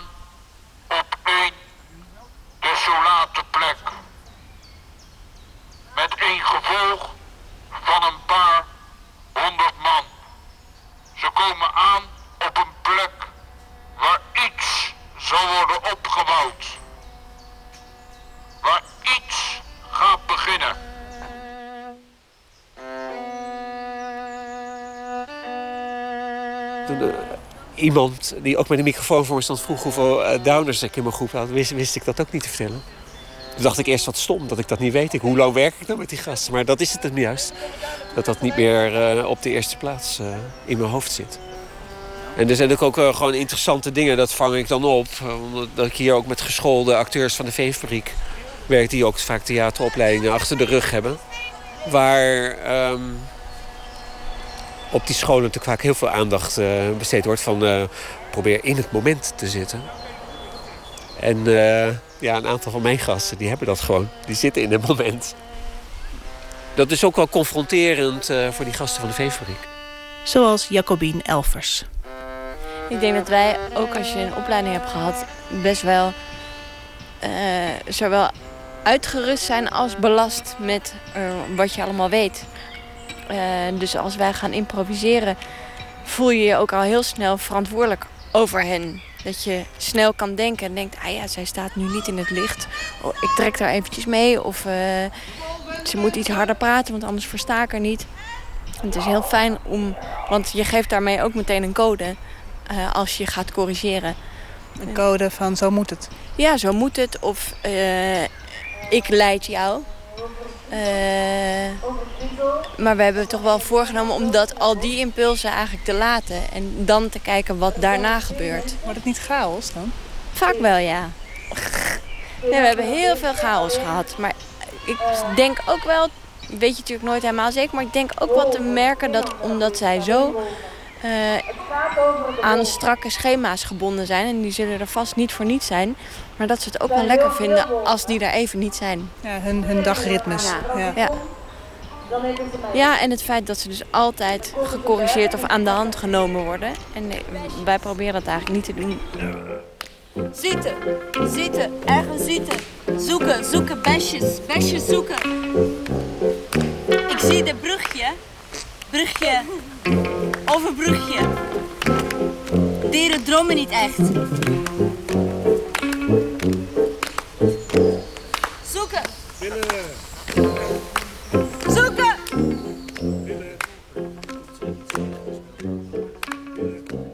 Zit jouw verhaal daar ook in? Een gedeelte zit erin. Zoals hoe je, hoe je, zoals hoe je de wereld zo beter zou kunnen maken. En dan dat- de landen daar waar je geweest bent als dank een eh, erebeeld van je zouden op laten zetten. Zonder dat je beroemd bent door of zo. Maar gewoon omdat je het land beter gemaakt hebt. Vind jij dat de wereld eh, verbetering nodig heeft? Op sommige plekken wel. En in jouw eigen leven? Nou, ik zou zo zeggen, mijn leven kan altijd een stap beter. Maar om te zeggen altijd helemaal altijd eh, perfect. Nee, dat kunnen we nooit. Dat kan geen mens perfect zijn. Drijf, zand. Zand, Het drijf. gaat, het gaat er mij om dat, dat ik dat een hele mooie kracht vind. Dat in dat moment zijn. Regisseur Paul Koek. En ehm, En dat wij daar best wel een beetje beperkt in zijn. Eh, wij zijn toch bezig om op tijd weer naar die bus te gaan. En nou ja, we- Nou ja, we trekken van alles uit de kast om maar in het moment te zijn. We gaan mediteren. eh, of veel te hard trimmen, de hele dag. of inderdaad sporten. Eh, sporten. En, Ja. ja. Nou ja, dus we, we hebben er iets voor nodig. Ja. Ja, ja. En misschien hebben we dat eigenlijk wel allemaal helemaal niet nodig als we er meer over nadenken. En die, want die kracht zit bij ons. We hebben het gewoon. Alleen, er komt een laagje eelt op of zo. Maar er is gewoon een vakje bij ons wat, wat wel naar een verwondering toe kan. En wat wel in het moment kan zijn. En ik neem aan dat u hoopt dat bij het publiek er ehm, ook dat ontstaat. Ja, ja dat is wel duidelijk. Ja. ja, ik hoop dat het publiek de dag anders begint. Ja, ja nadat ze hier zijn geweest, zeker. Er waren regels voor.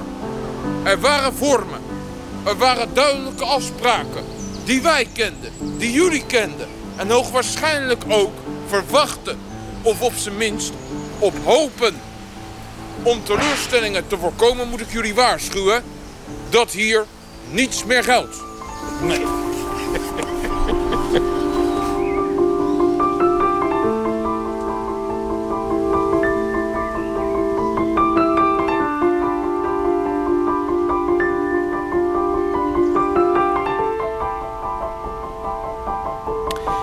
Geen regels dus bij Songspeel My Videoland van eh, muziektheater Ensemble De Veenfabriek en theatergroep Domino. Aanstaande zaterdag gaat de voorstelling in première in het Openluchttheater Leidse Hout. En dat gebeurt 's ochtends.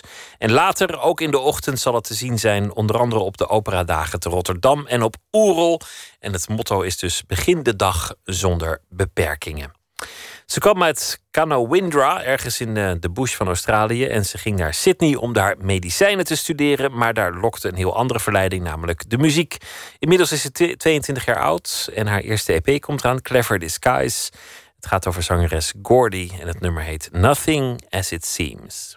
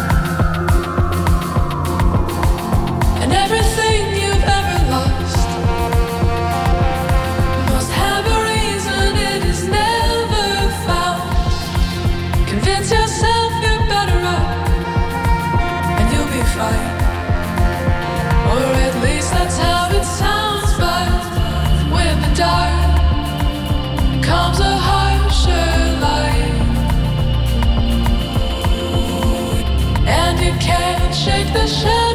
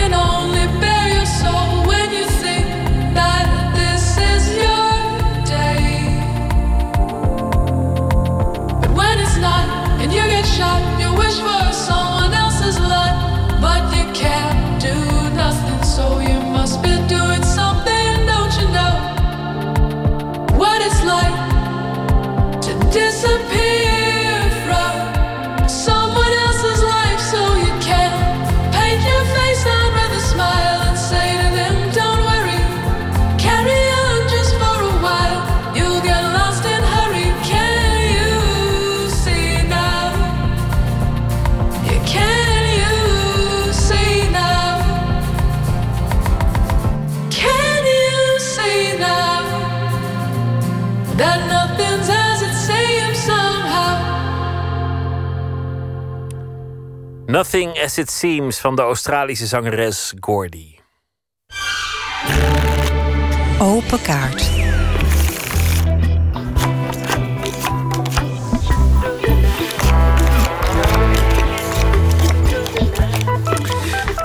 Tegenover mij zit eh, Robert-Jan Henkes en hier is de bak met kaarten. We gaan eh, kijken wat er eh, vandaag tevoorschijn komt aan vragen. Robert-Jan Henkes is bekend onder meer als een van de twee van het duo Bindervoet en Henkes. Samen hebben ze heel veel vertaald. van moeilijke, ingewikkelde boeken tot toneelstukken. Tot aan songteksten van de Beatles tot Bob Dylan in het Nederlands. Maar individueel doen ze ook van alles. En het nieuwe project is Bij mij op de maan. En het zijn Russische kindergedichten. Rijmpjes voor kinderen vertaald uit het eh, Russisch. Robert-Jan Henkes, welkom. Ah, dankjewel, ja. Allereerst wist ik niet dat, dat jouw Russisch zo goed was dat, je- dat jij kon, kon vertalen. Hoe is dat zo gekomen?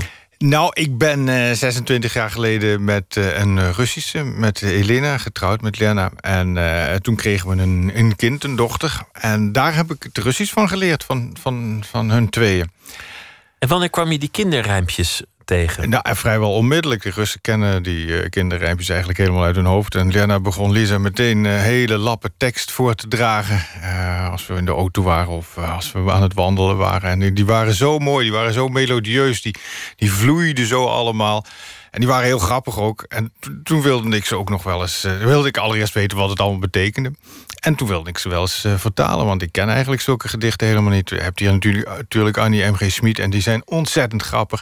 Maar die missen toch die, eigenlijk een eh, bepaalde welluidendheid... die het Russisch wel heeft. Dus toen ben ik begonnen. En wat is het, 1990 denk ik, ja.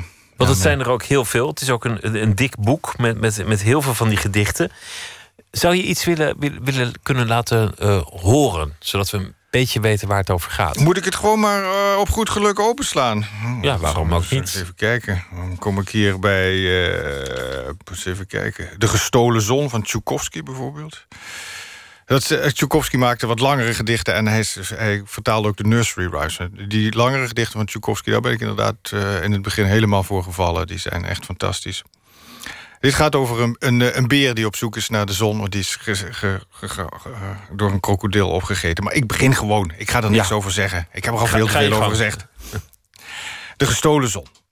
Ik ga uit wandelen, dacht de zon, wandelen achter de horizon. Thuis keek het haasje door de ruiten en zag het donker worden buiten. De wielenwaal botst tegen de nachtegaal. Mevrouw de Ekster fladdert steeds behekster. De ooievaar slaakt een gil en roept verschrikt. Een ramp! De krokodil heeft de zon ingepikt. De krokodil heeft de zon doorgeslikt. Buiten is het stikke duister. Kom toch binnen, dieren, luister. Vlug, vlug, vlug. Wie niet snel de voordeur haalt, raakt de weg kwijt en verdwaalt. En vindt nooit de weg naar huis meer terug. De mussen jammeren de stakkers en ze huilen dikke traantjes. Zonder zonnetje op de akkers vinden we nooit meer ergens graantjes. De twee haasjes, anders zo parmant, zitten verdroten op hun knollenland. De zon heeft zich zeker van weg vergist. De zon heeft zeker een afslag gemist. Alleen de kreeften blijven kriskras kruipen door het ondergrondelijke duister... en over de bergen loeit in golven het huilen van, de, van hondsdolle wolven. In de ochtend staan twee rammen, rambam op de poort te rammen. Rambam, rammelenbam, rammelen, rammelen, tarabam. Opstaan, beesten wild en beesten woest. Wat houdt hier iedereen zich koest? Wat is dat voor een slap gezucht? Geef die krokodil zijn vet, zorg dat hij de zon weer zet. De zon weer zet, de zon weer terugzet in de lucht. Maar de beesten blijven binnen. Wij dat monster overwinnen? Die lelijke gemeenerik heeft van ons totaal geen schrik. Hij bijt ons, hij rijdt ons aan stukken. Hij heeft zelfs tanden op zijn rug. Nee, die geeft de zon niet terug. Nee, dat gaat ons echt niet lukken. De rammen rennen als een speer naar het hol van meneer Beer. Genoeg gebabbeld, meneer Beer, genoeg gesabbeld aan je poot. Jij moet mee, de nood is groot, want als jij de zon niet terugvindt... want als jij de zon niet terugvindt, gaan we met z'n allen dood. Maar de beer heeft nu geen tijd, want hij is zijn kindjes kwijt. Hij bromt en gromt in zak en as en hij loopt naar het moeras. Kindjes, waar zijn jullie nou? Ik laat je zien en horen gauw. Mama beer loopt ook te zoeken, diep tot in de natste hoeken van het drassige moeras. Kom, Jan Bas, Pythagoras. Je wordt subiet naar Brett gestuurd, het heeft nu lang genoeg geduurd. Nou, tot hier. Het is eh, mooi. De, de gedichten, Russische kindergedichten, is een heel dik boek. Laten we beginnen met eh, de kaarten. Ja. Ik wil je vragen om er een eh, te trekken. Blind. Blind. En dan blind te lezen. Ja. Nou, dat kan ik niet, kan ik niet lezen hoor. Zonder... Welke rotstreek heb je geleverd om je werk voor elkaar te krijgen? Ja, vertel eens.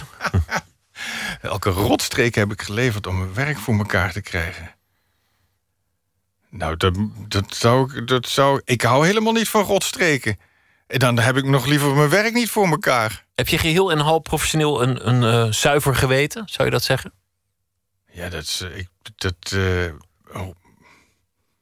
Kijk, voor mij staat er mijn werk helemaal niet op, op de eerste plaats. Ik vind het veel belangrijker om, dat- om, om te, te bedenken. Eerst leven en dan werken. Eerst leven en dan, eh, dan, dan je werk. Ik vind, het, ik vind dat je... Dat, dat je ik zou, Dus je bent niet gehaaid, laten we het zo zeggen.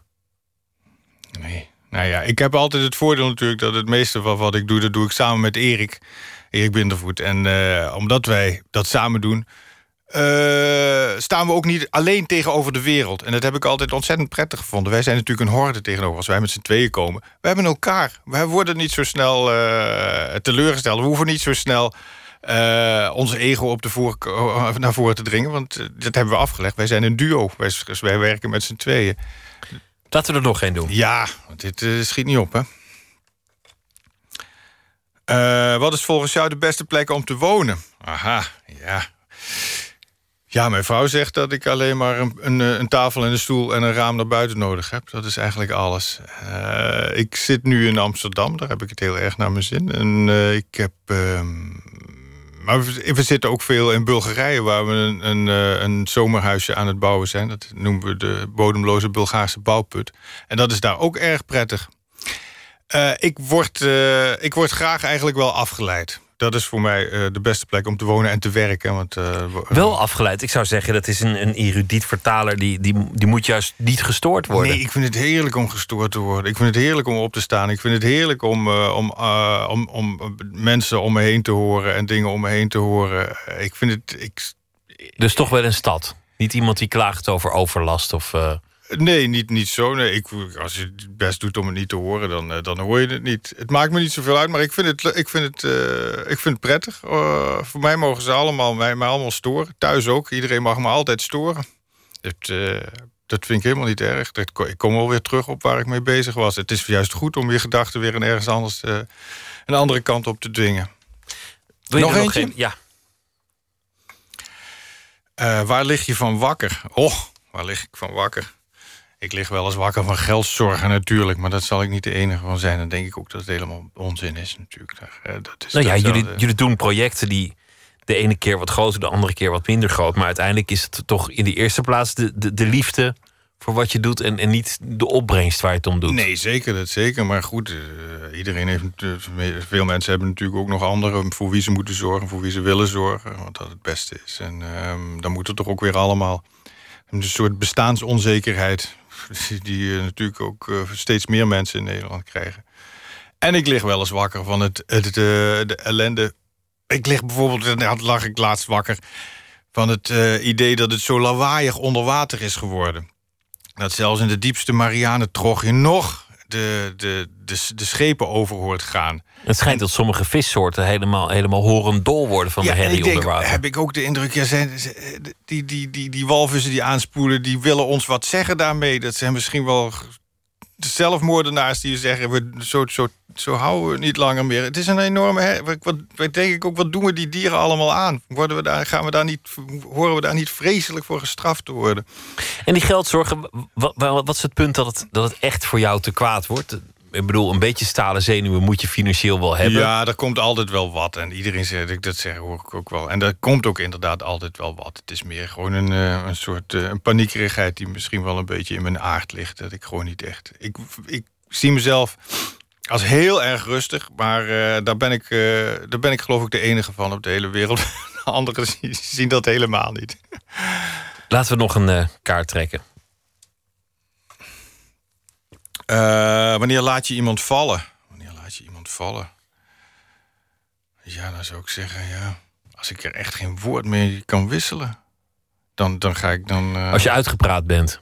Ja, als- het, eh, als je helemaal van onderen op moet beginnen bij elk gesprek, dat er echt helemaal geen verbintenis is, dus helemaal geen verband is tussen, dan, dan, dan, dan ga je gewoon weg.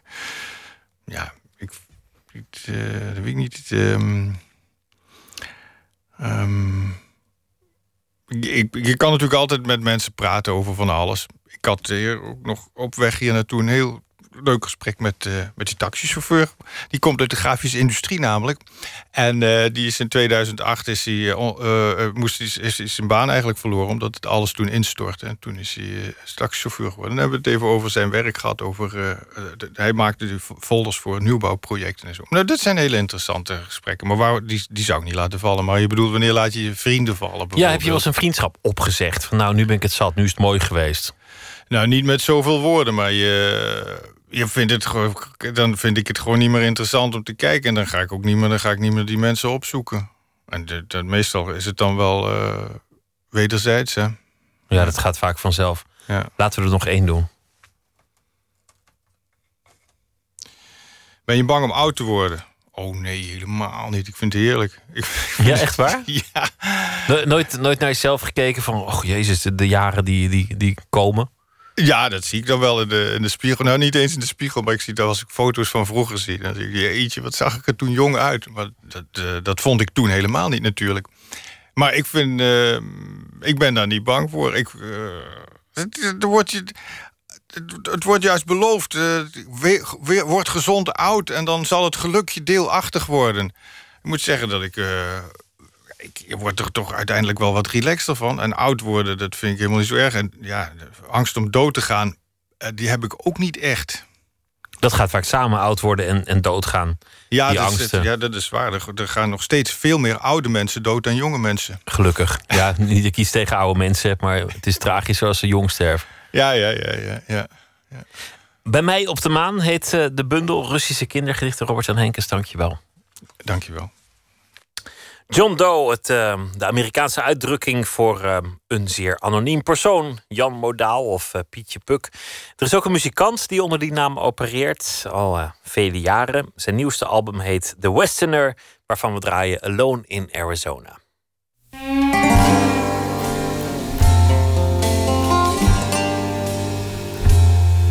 My heart is blue with losing you.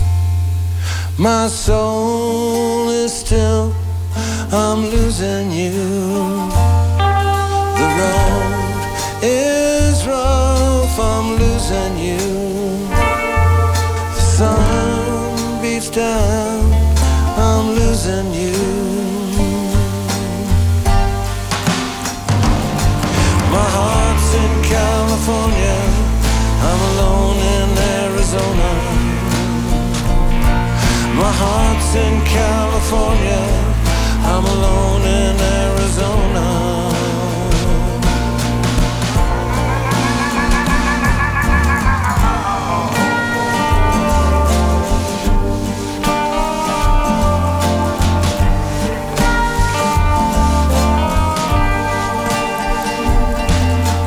Thunder where it shouldn't be. I'm losing you. Cactus run away from me. I'm losing you.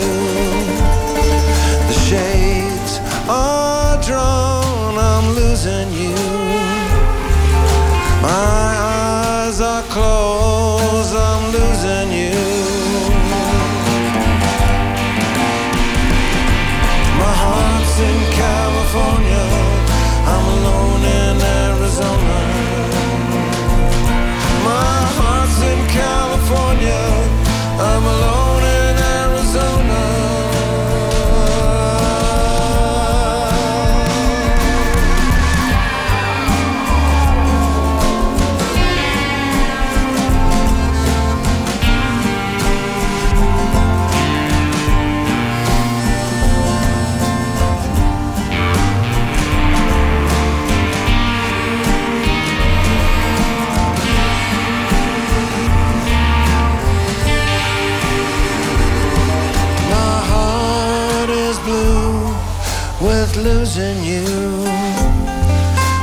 Soul is still, I'm losing you. The road is rough, I'm losing you.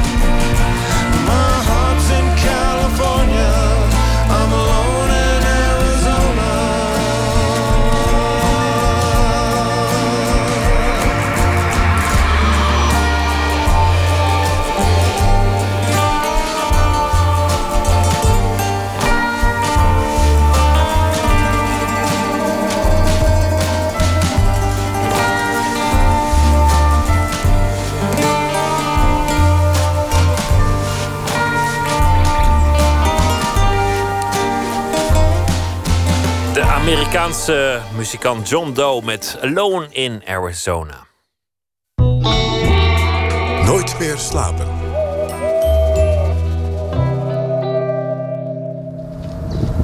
Als je ziet zo'n lindenboom, hè, en daar hebben al die bloemen aan te danken dat ze daar kunnen groeien. Die komt laat in blad. Jan Wolkers, hij was dol op tuinieren en ook dol op zijn Amsterdamse volkstuin. Hij kweekte daar planten, verbouwde er groenten. Hij kookte daar, hij dronk champagne, hij schreef er. En nu dreigt dat tuincomplex met het schrijfhuisje van Wolkers zomaar te verdwijnen. Nachtcorrespondent Tom Klaassen, welkom. Wat is er aan de hand? Ja, Wolkers die eh, schreef in december 1972 in zijn dagboek... Hoera! Spitten, schoffelen en groente kweken. Dat was het eh, moment, de maand waarop hij eh, volkstuintje nummer 294 kreeg toegewezen... op het meest zuidelijke puntje van het eh, door slootjes omgeven Amstelglorie... het volkstuinencomplex aan de Amstel in Amsterdam. Dat bestaat sinds 1953 en sinds die tijd staat het zeer regelmatig op de nominatie... om ook weer te verdwijnen. Want de gemeente Amsterdam wil het maar wat graag volbouwen. En dat lijkt nu eh, toch te gaan gebeuren. De gemeente wil het hele gebied, inclusief dat huisje... waar Wolkers veel van zijn bekendste werken schreef... schoonvegen en volbouwen. De stad is een gulzig en onverzadigbaar monster... schrijft Wolkers biograaf Onno Blom vandaag in de Volkskrant. Laten we beginnen met de liefde van Jan Wolkers voor de natuur. Ja.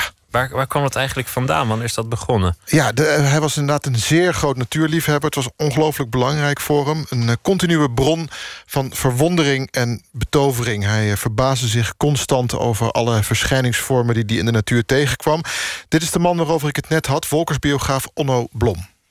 Heel erg belangrijk. Ja, ik denk dat de, de natuur voor Wolkers misschien wel het belangrijkste was in zijn leven. Hij is in, in, zijn, eh, in zijn jeugd in Oestgeest zwierf hij altijd al eh, door de polders om, om zijn eh, geboortedorp heen. En het was ook zijn diepste wens om bioloog te worden. Hij was ook totaal bijvoorbeeld begeesterd door het werk van Jacques P. Thijssen... de bioloog die die verkade-albums maakte. En, en de natuur was van jongs af aan zijn, zijn hele wereld. En dat is eigenlijk nooit overgegaan. Ja, en Wolkers had in Amsterdam geen eigen tuin bij huis. Hij had een eh, atelierwoning in de rivierenbuurt. En hij leefde dan ook van 1972 tot zijn vertrek naar Texel in 1981... ten volle op zijn volkstuin, mogen we wel zeggen. Ik probeer daar een beeld van te krijgen. Zo- Zo'n volkstuintje. Ja, dat kan ik me Waar, voorstellen. waar dan waar iedereen op zaterdag is en waar je ook een, een vereniging hebt die toezicht houdt en zo. Ja. En dan eh, ja, de viooltjes en de Afrikaantjes en daar, daartussen dan Jan Wolkers. Ja, die woesteling eh, ineens daartussen. Ja, ik had er ook niet echt een beeld bij. Hij was op Amstelglorie ook een behoorlijke vreemde eend in de bijt. Creëren van een eh, ordentelijk tuintje met rijen Afrikaantjes en viooltjes... dat interesseerde Wolkers geen ene donder. Hij vond een tuin een kunstwerk, work in progress, zeg maar. En hij maakte een enorme woestenij van die tuin. Hij plantte veldbloemen die hij overal vandaan haalde... legde een moestuin aan, kookte op een butagaststel... en voerde alle beesten spek. En het belangrijkste, hij schreef er veel. De rust en de liefde voor natuur zit in alle belangrijke romans. En die zie je dan terug in alle romans die in dat huisje schreef. Dit is Onno Blom weer. En hij schreef er, hij schreef er. Het was voor hem ook een hele fijne plek om, om in rust en, en stilte te schrijven. De, de grote romans uit de jaren zeventig, eh, dus de, eh, de Walgvogel ehm, en de Persik van Onsterfelijkheid en de Kus, die zijn voor hele grote delen op de tuin eh, geschreven. Dus ja, dan is zo'n tuinhuisje eigenlijk een, eh, een literair moment, monument. Een, eh, Eigenlijk wel, ja. ja, een monument uit de Nederlandse literaire geschiedenis. Je hoort het eigenlijk wel vaker, hè? Schrijvers die tuinieren. Maarten het Hart, Gerbrand Bakker. Ja, klopt. Ja, daar, daar houdt mijn kennis alweer op, maar het zijn er vast heel veel. Het zijn er inderdaad veel. Tuinieren is kennelijk eh, heilzaam voor het schrijfproces... of voor de schrijver of allebei. En wij vroegen ons vandaag op de redactie af... waar het nou eigenlijk zo'n beetje door komt. Jan Siebelink is bijvoorbeeld een figuur die schrijft op een klein zolderkamertje. Peter Buwalda zonderde zich vier jaar lang af... voor het schrijven van zijn debuut Bonita Avenue. Zo kan het ook. Maar veel andere schrijvers die pakken liever de schoffel of de hark. En de eerste reden die kun je je waarschijnlijk wel voorstellen. Dit is schrijver Anton Valens. Nou, ik word er heel erg rustig van. En dat is iets wat ik aanvankelijk dus niet eh, goed ingeschat had. Al die eh, eh, op zich eentonige en langdurige karweitjes die erbij horen, hè, dus een onkruidwieden bijvoorbeeld, blijkt in de praktijk heel rustgevende bezigheid te zijn voor mij. Maar ik ben altijd iemand geweest die, die ook graag buiten schreef. Dus toen ik geen tuin had, ging ik... Ik woonde, woonde toen eh, nog steeds trouwens vrij dicht bij het Oosterpark. ging vaak in het Oosterpark zitten. Als het weer het toeliet dan in ieder geval. Hè. Ik heb graag buiten geschreven, omdat ik binnen schrijven doe ik natuurlijk ook heel veel. Eh, maar het is aan zich nog, nogal saai werk, zal ik maar zeggen. Ja, en Valens nam de Volkstuin over van zijn redacteur... toen deze overleed, op verzoek van die redacteur. Daar heeft hij ook net een eh, boek over geschreven. Precies. Dat dit jaar is uitgekomen. Heel geestig boek ook. Ja, want het het gaat over die volkstuin. Het compostcirculatieplan, inderdaad. Ehm, en die tuin die was eigenlijk al kant en klaar. Hij heeft een behoorlijk directe motivatie voor dat tuinieren. Het is een onrustig mens. En van buiten werken en schrijven wordt hij rustig. Hij kan juist niet tegen die benauwde zolderkamertjes van eh, Buwalda en Siebelink. Anderen hebben een minder direct schrijfgerelateerde reden om te tuinieren. Volgens schrijver Gerbrand Bakker heeft de inhoud van zijn schrijfwerk niks met dat tuinieren te maken.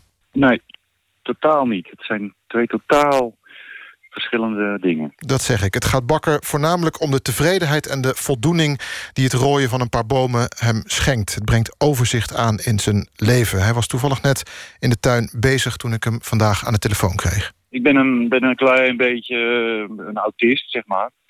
Dus ik vind dat, dat vind ik ook heerlijk. Om eh, duidelijkheid te scheppen in een, eh, in, op een stuk land ja, dat totaal eh, overgroeid en overwoekerd was.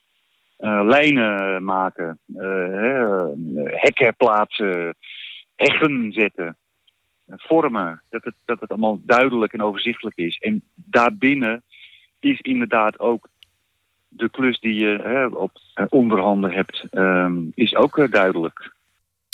Tuinieren als orde scheppen in de chaos die de natuur heet te zijn. De mens wil orde, ja. maar de natuur wil chaos. En zo vecht je tegen de eh, bierkaai als je probeert te tuinieren. Orde in de troep. Ja, de god van je eigen tuin. Bakker die eh, woont in de Eifel in Duitsland... in een huis met een stuk bos erbij. En die woestenij die is hij nu inderdaad voortdurend aan het ordenen... om daar vervolgens in de avond tevreden op terug te zien. Hij heeft geen tekentafelontwerp van een tuin in zijn achterhoofd... terwijl hij toch eh, gediplomeerd hovenier is... Want dat suggereert namelijk een einddoel. En dat heeft het volgens Bakker niet. Hij wil die tuin temmen. Het werk is overzichtelijk en je ziet snel resultaat. Dat gevoel zit ook in dat nieuwe boek van Anton Valens... waar jij het net al over had. Dat gevoel van overzicht en beheersbaarheid van de situatie. Terwijl Jens met een snoeischaar de dode stelen afknipte en met een hark de aan elkaar geklipte plakaten bladerpulp uit de prekken veegde en in hoge stapels afval bijeenbracht, stortte ik me op het Montbretia-veld aan de oever van de sloot. Ik scheurde het papperige, platgeslagen loof af en groef de stobben en kluiten van de varens die ertussen stonden uit en smeet ze op een van de afvalbelten. De lichamelijke bezigheid verdreef de kou uit mijn lichaam. De zon klom uit boven de huisjes van Durverdam. Laag over de sloot wiekte eenden langs. Maar het koppel dat in de verschenen lentes een immer uitgehongerde vaste wade op tuin 20 was, het echtpaar, liet het afweten. Misschien had het de winter niet overleefd. Toen dook Mark Oostergo op, gekleed in een loodgrijs Bosch-uniform met witte letters op het rugband. Hij riep, Jens, waar ben jij nou mee bezig? De tuin is nog in winterslaap. Hij antwoordde, maar ik niet. Onlangs kwam het... Einde. Oh, pardon. Onlangs kwam het compostcirculatieplan van Anton Valens uit bij Atlas Contact. Dat is een sleutelroman over het leven op een volkstuinencomplex. Volgende week komt het nieuwe boek van Gerbrand Bakker uit. Dat gaat heten Jasper en zijn knecht. Arbeiderspers privédomein. En dat zijn dagboekvellen over het leven in de Eifel. En Onno Blom werkt nog aan de biografie van Jan Wolkers. En wat te doen met het tuinhuisje? Moet het nou op de Rijksmonumentenlijst... of door een literair mecenas gered worden... of eh, gewoon slopen? Ja, dat weet ik eigenlijk ook niet. Ik weet het ook niet. Onno Blom vindt dat het gered moet worden. Maar het ziet er ook niet zo uit zoals het er destijds uitzag. Dus het moet ook nog hersteld worden ook. En hoe moet het dan met deze generatie... met, met al die cafés waar ze op hun laptopje de hele dag zitten te schrijven... moeten die dan ook op de monumentenlijst? Nou ja, we, we zien wel. Ton Klaassen, dankjewel. Goeienacht. Aanstaande vrijdag en zaterdag staat Radiohead in Amsterdam in de Heineken Bierhal. Opeens waren er twee concerten en opeens waren ze ook uitverkocht. En er is ook een nieuw album waarvan gedraaid wordt Present Tense.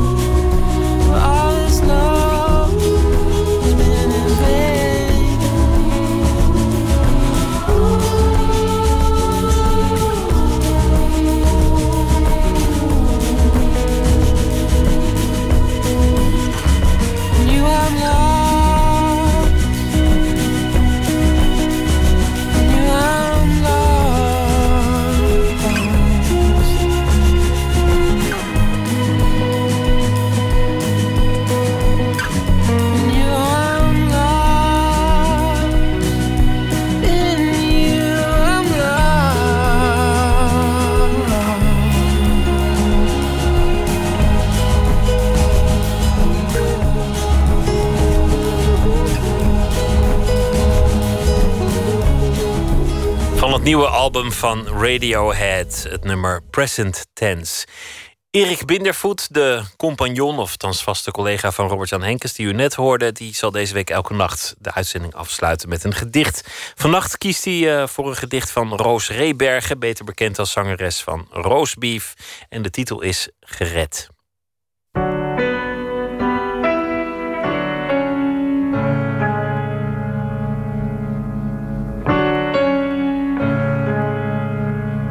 Gedicht wat ik nu wil voorlezen is van mijn eh, eh, favoriete liedjeszangeres. En eh, ook hard op weg om mijn favoriete dichteres te worden. Dat is namelijk Roos van Roosbief, oftewel Roos Reebergen. Die net een fantastische dichtbundel heeft uitgebracht. Die heet Ik ben al 11 jaar geen 16 meer. De uitgever had geloof ik gevraagd om een boek met liedteksten... maar dat vond ze toch te eenvoudig. Dus ze heeft gewoon meteen zelf de, de pen ter hand genomen... en een eigen dichtbundel eruit ge, uitgeramd. En dat heeft ze heel goed gedaan. Er zijn prachtige collages en tekeningen in. En ik wil graag het gedicht voorlezen. Dat heet Gered. Gered. Het was stiltedag. We moesten de stilte zo goed mogelijk nadoen. Op een plek waar het mooi is. 1, 2, 3. We liepen in rondjes en keken hoe de ander het deed. De bomen lachten ons uit, dat weet ik zeker.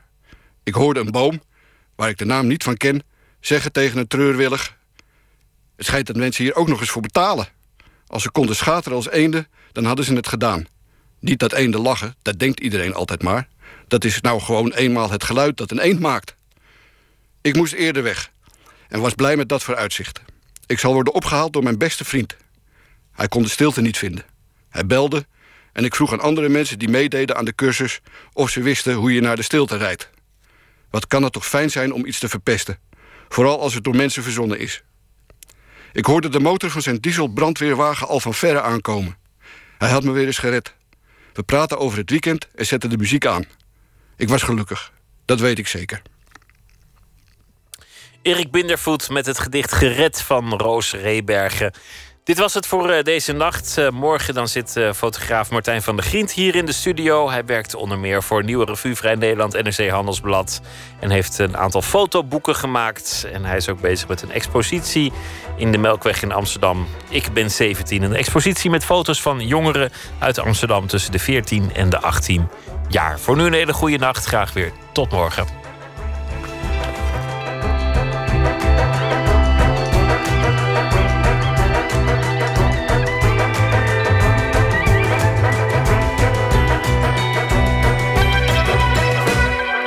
Radio 1, het nieuws van alle kanten.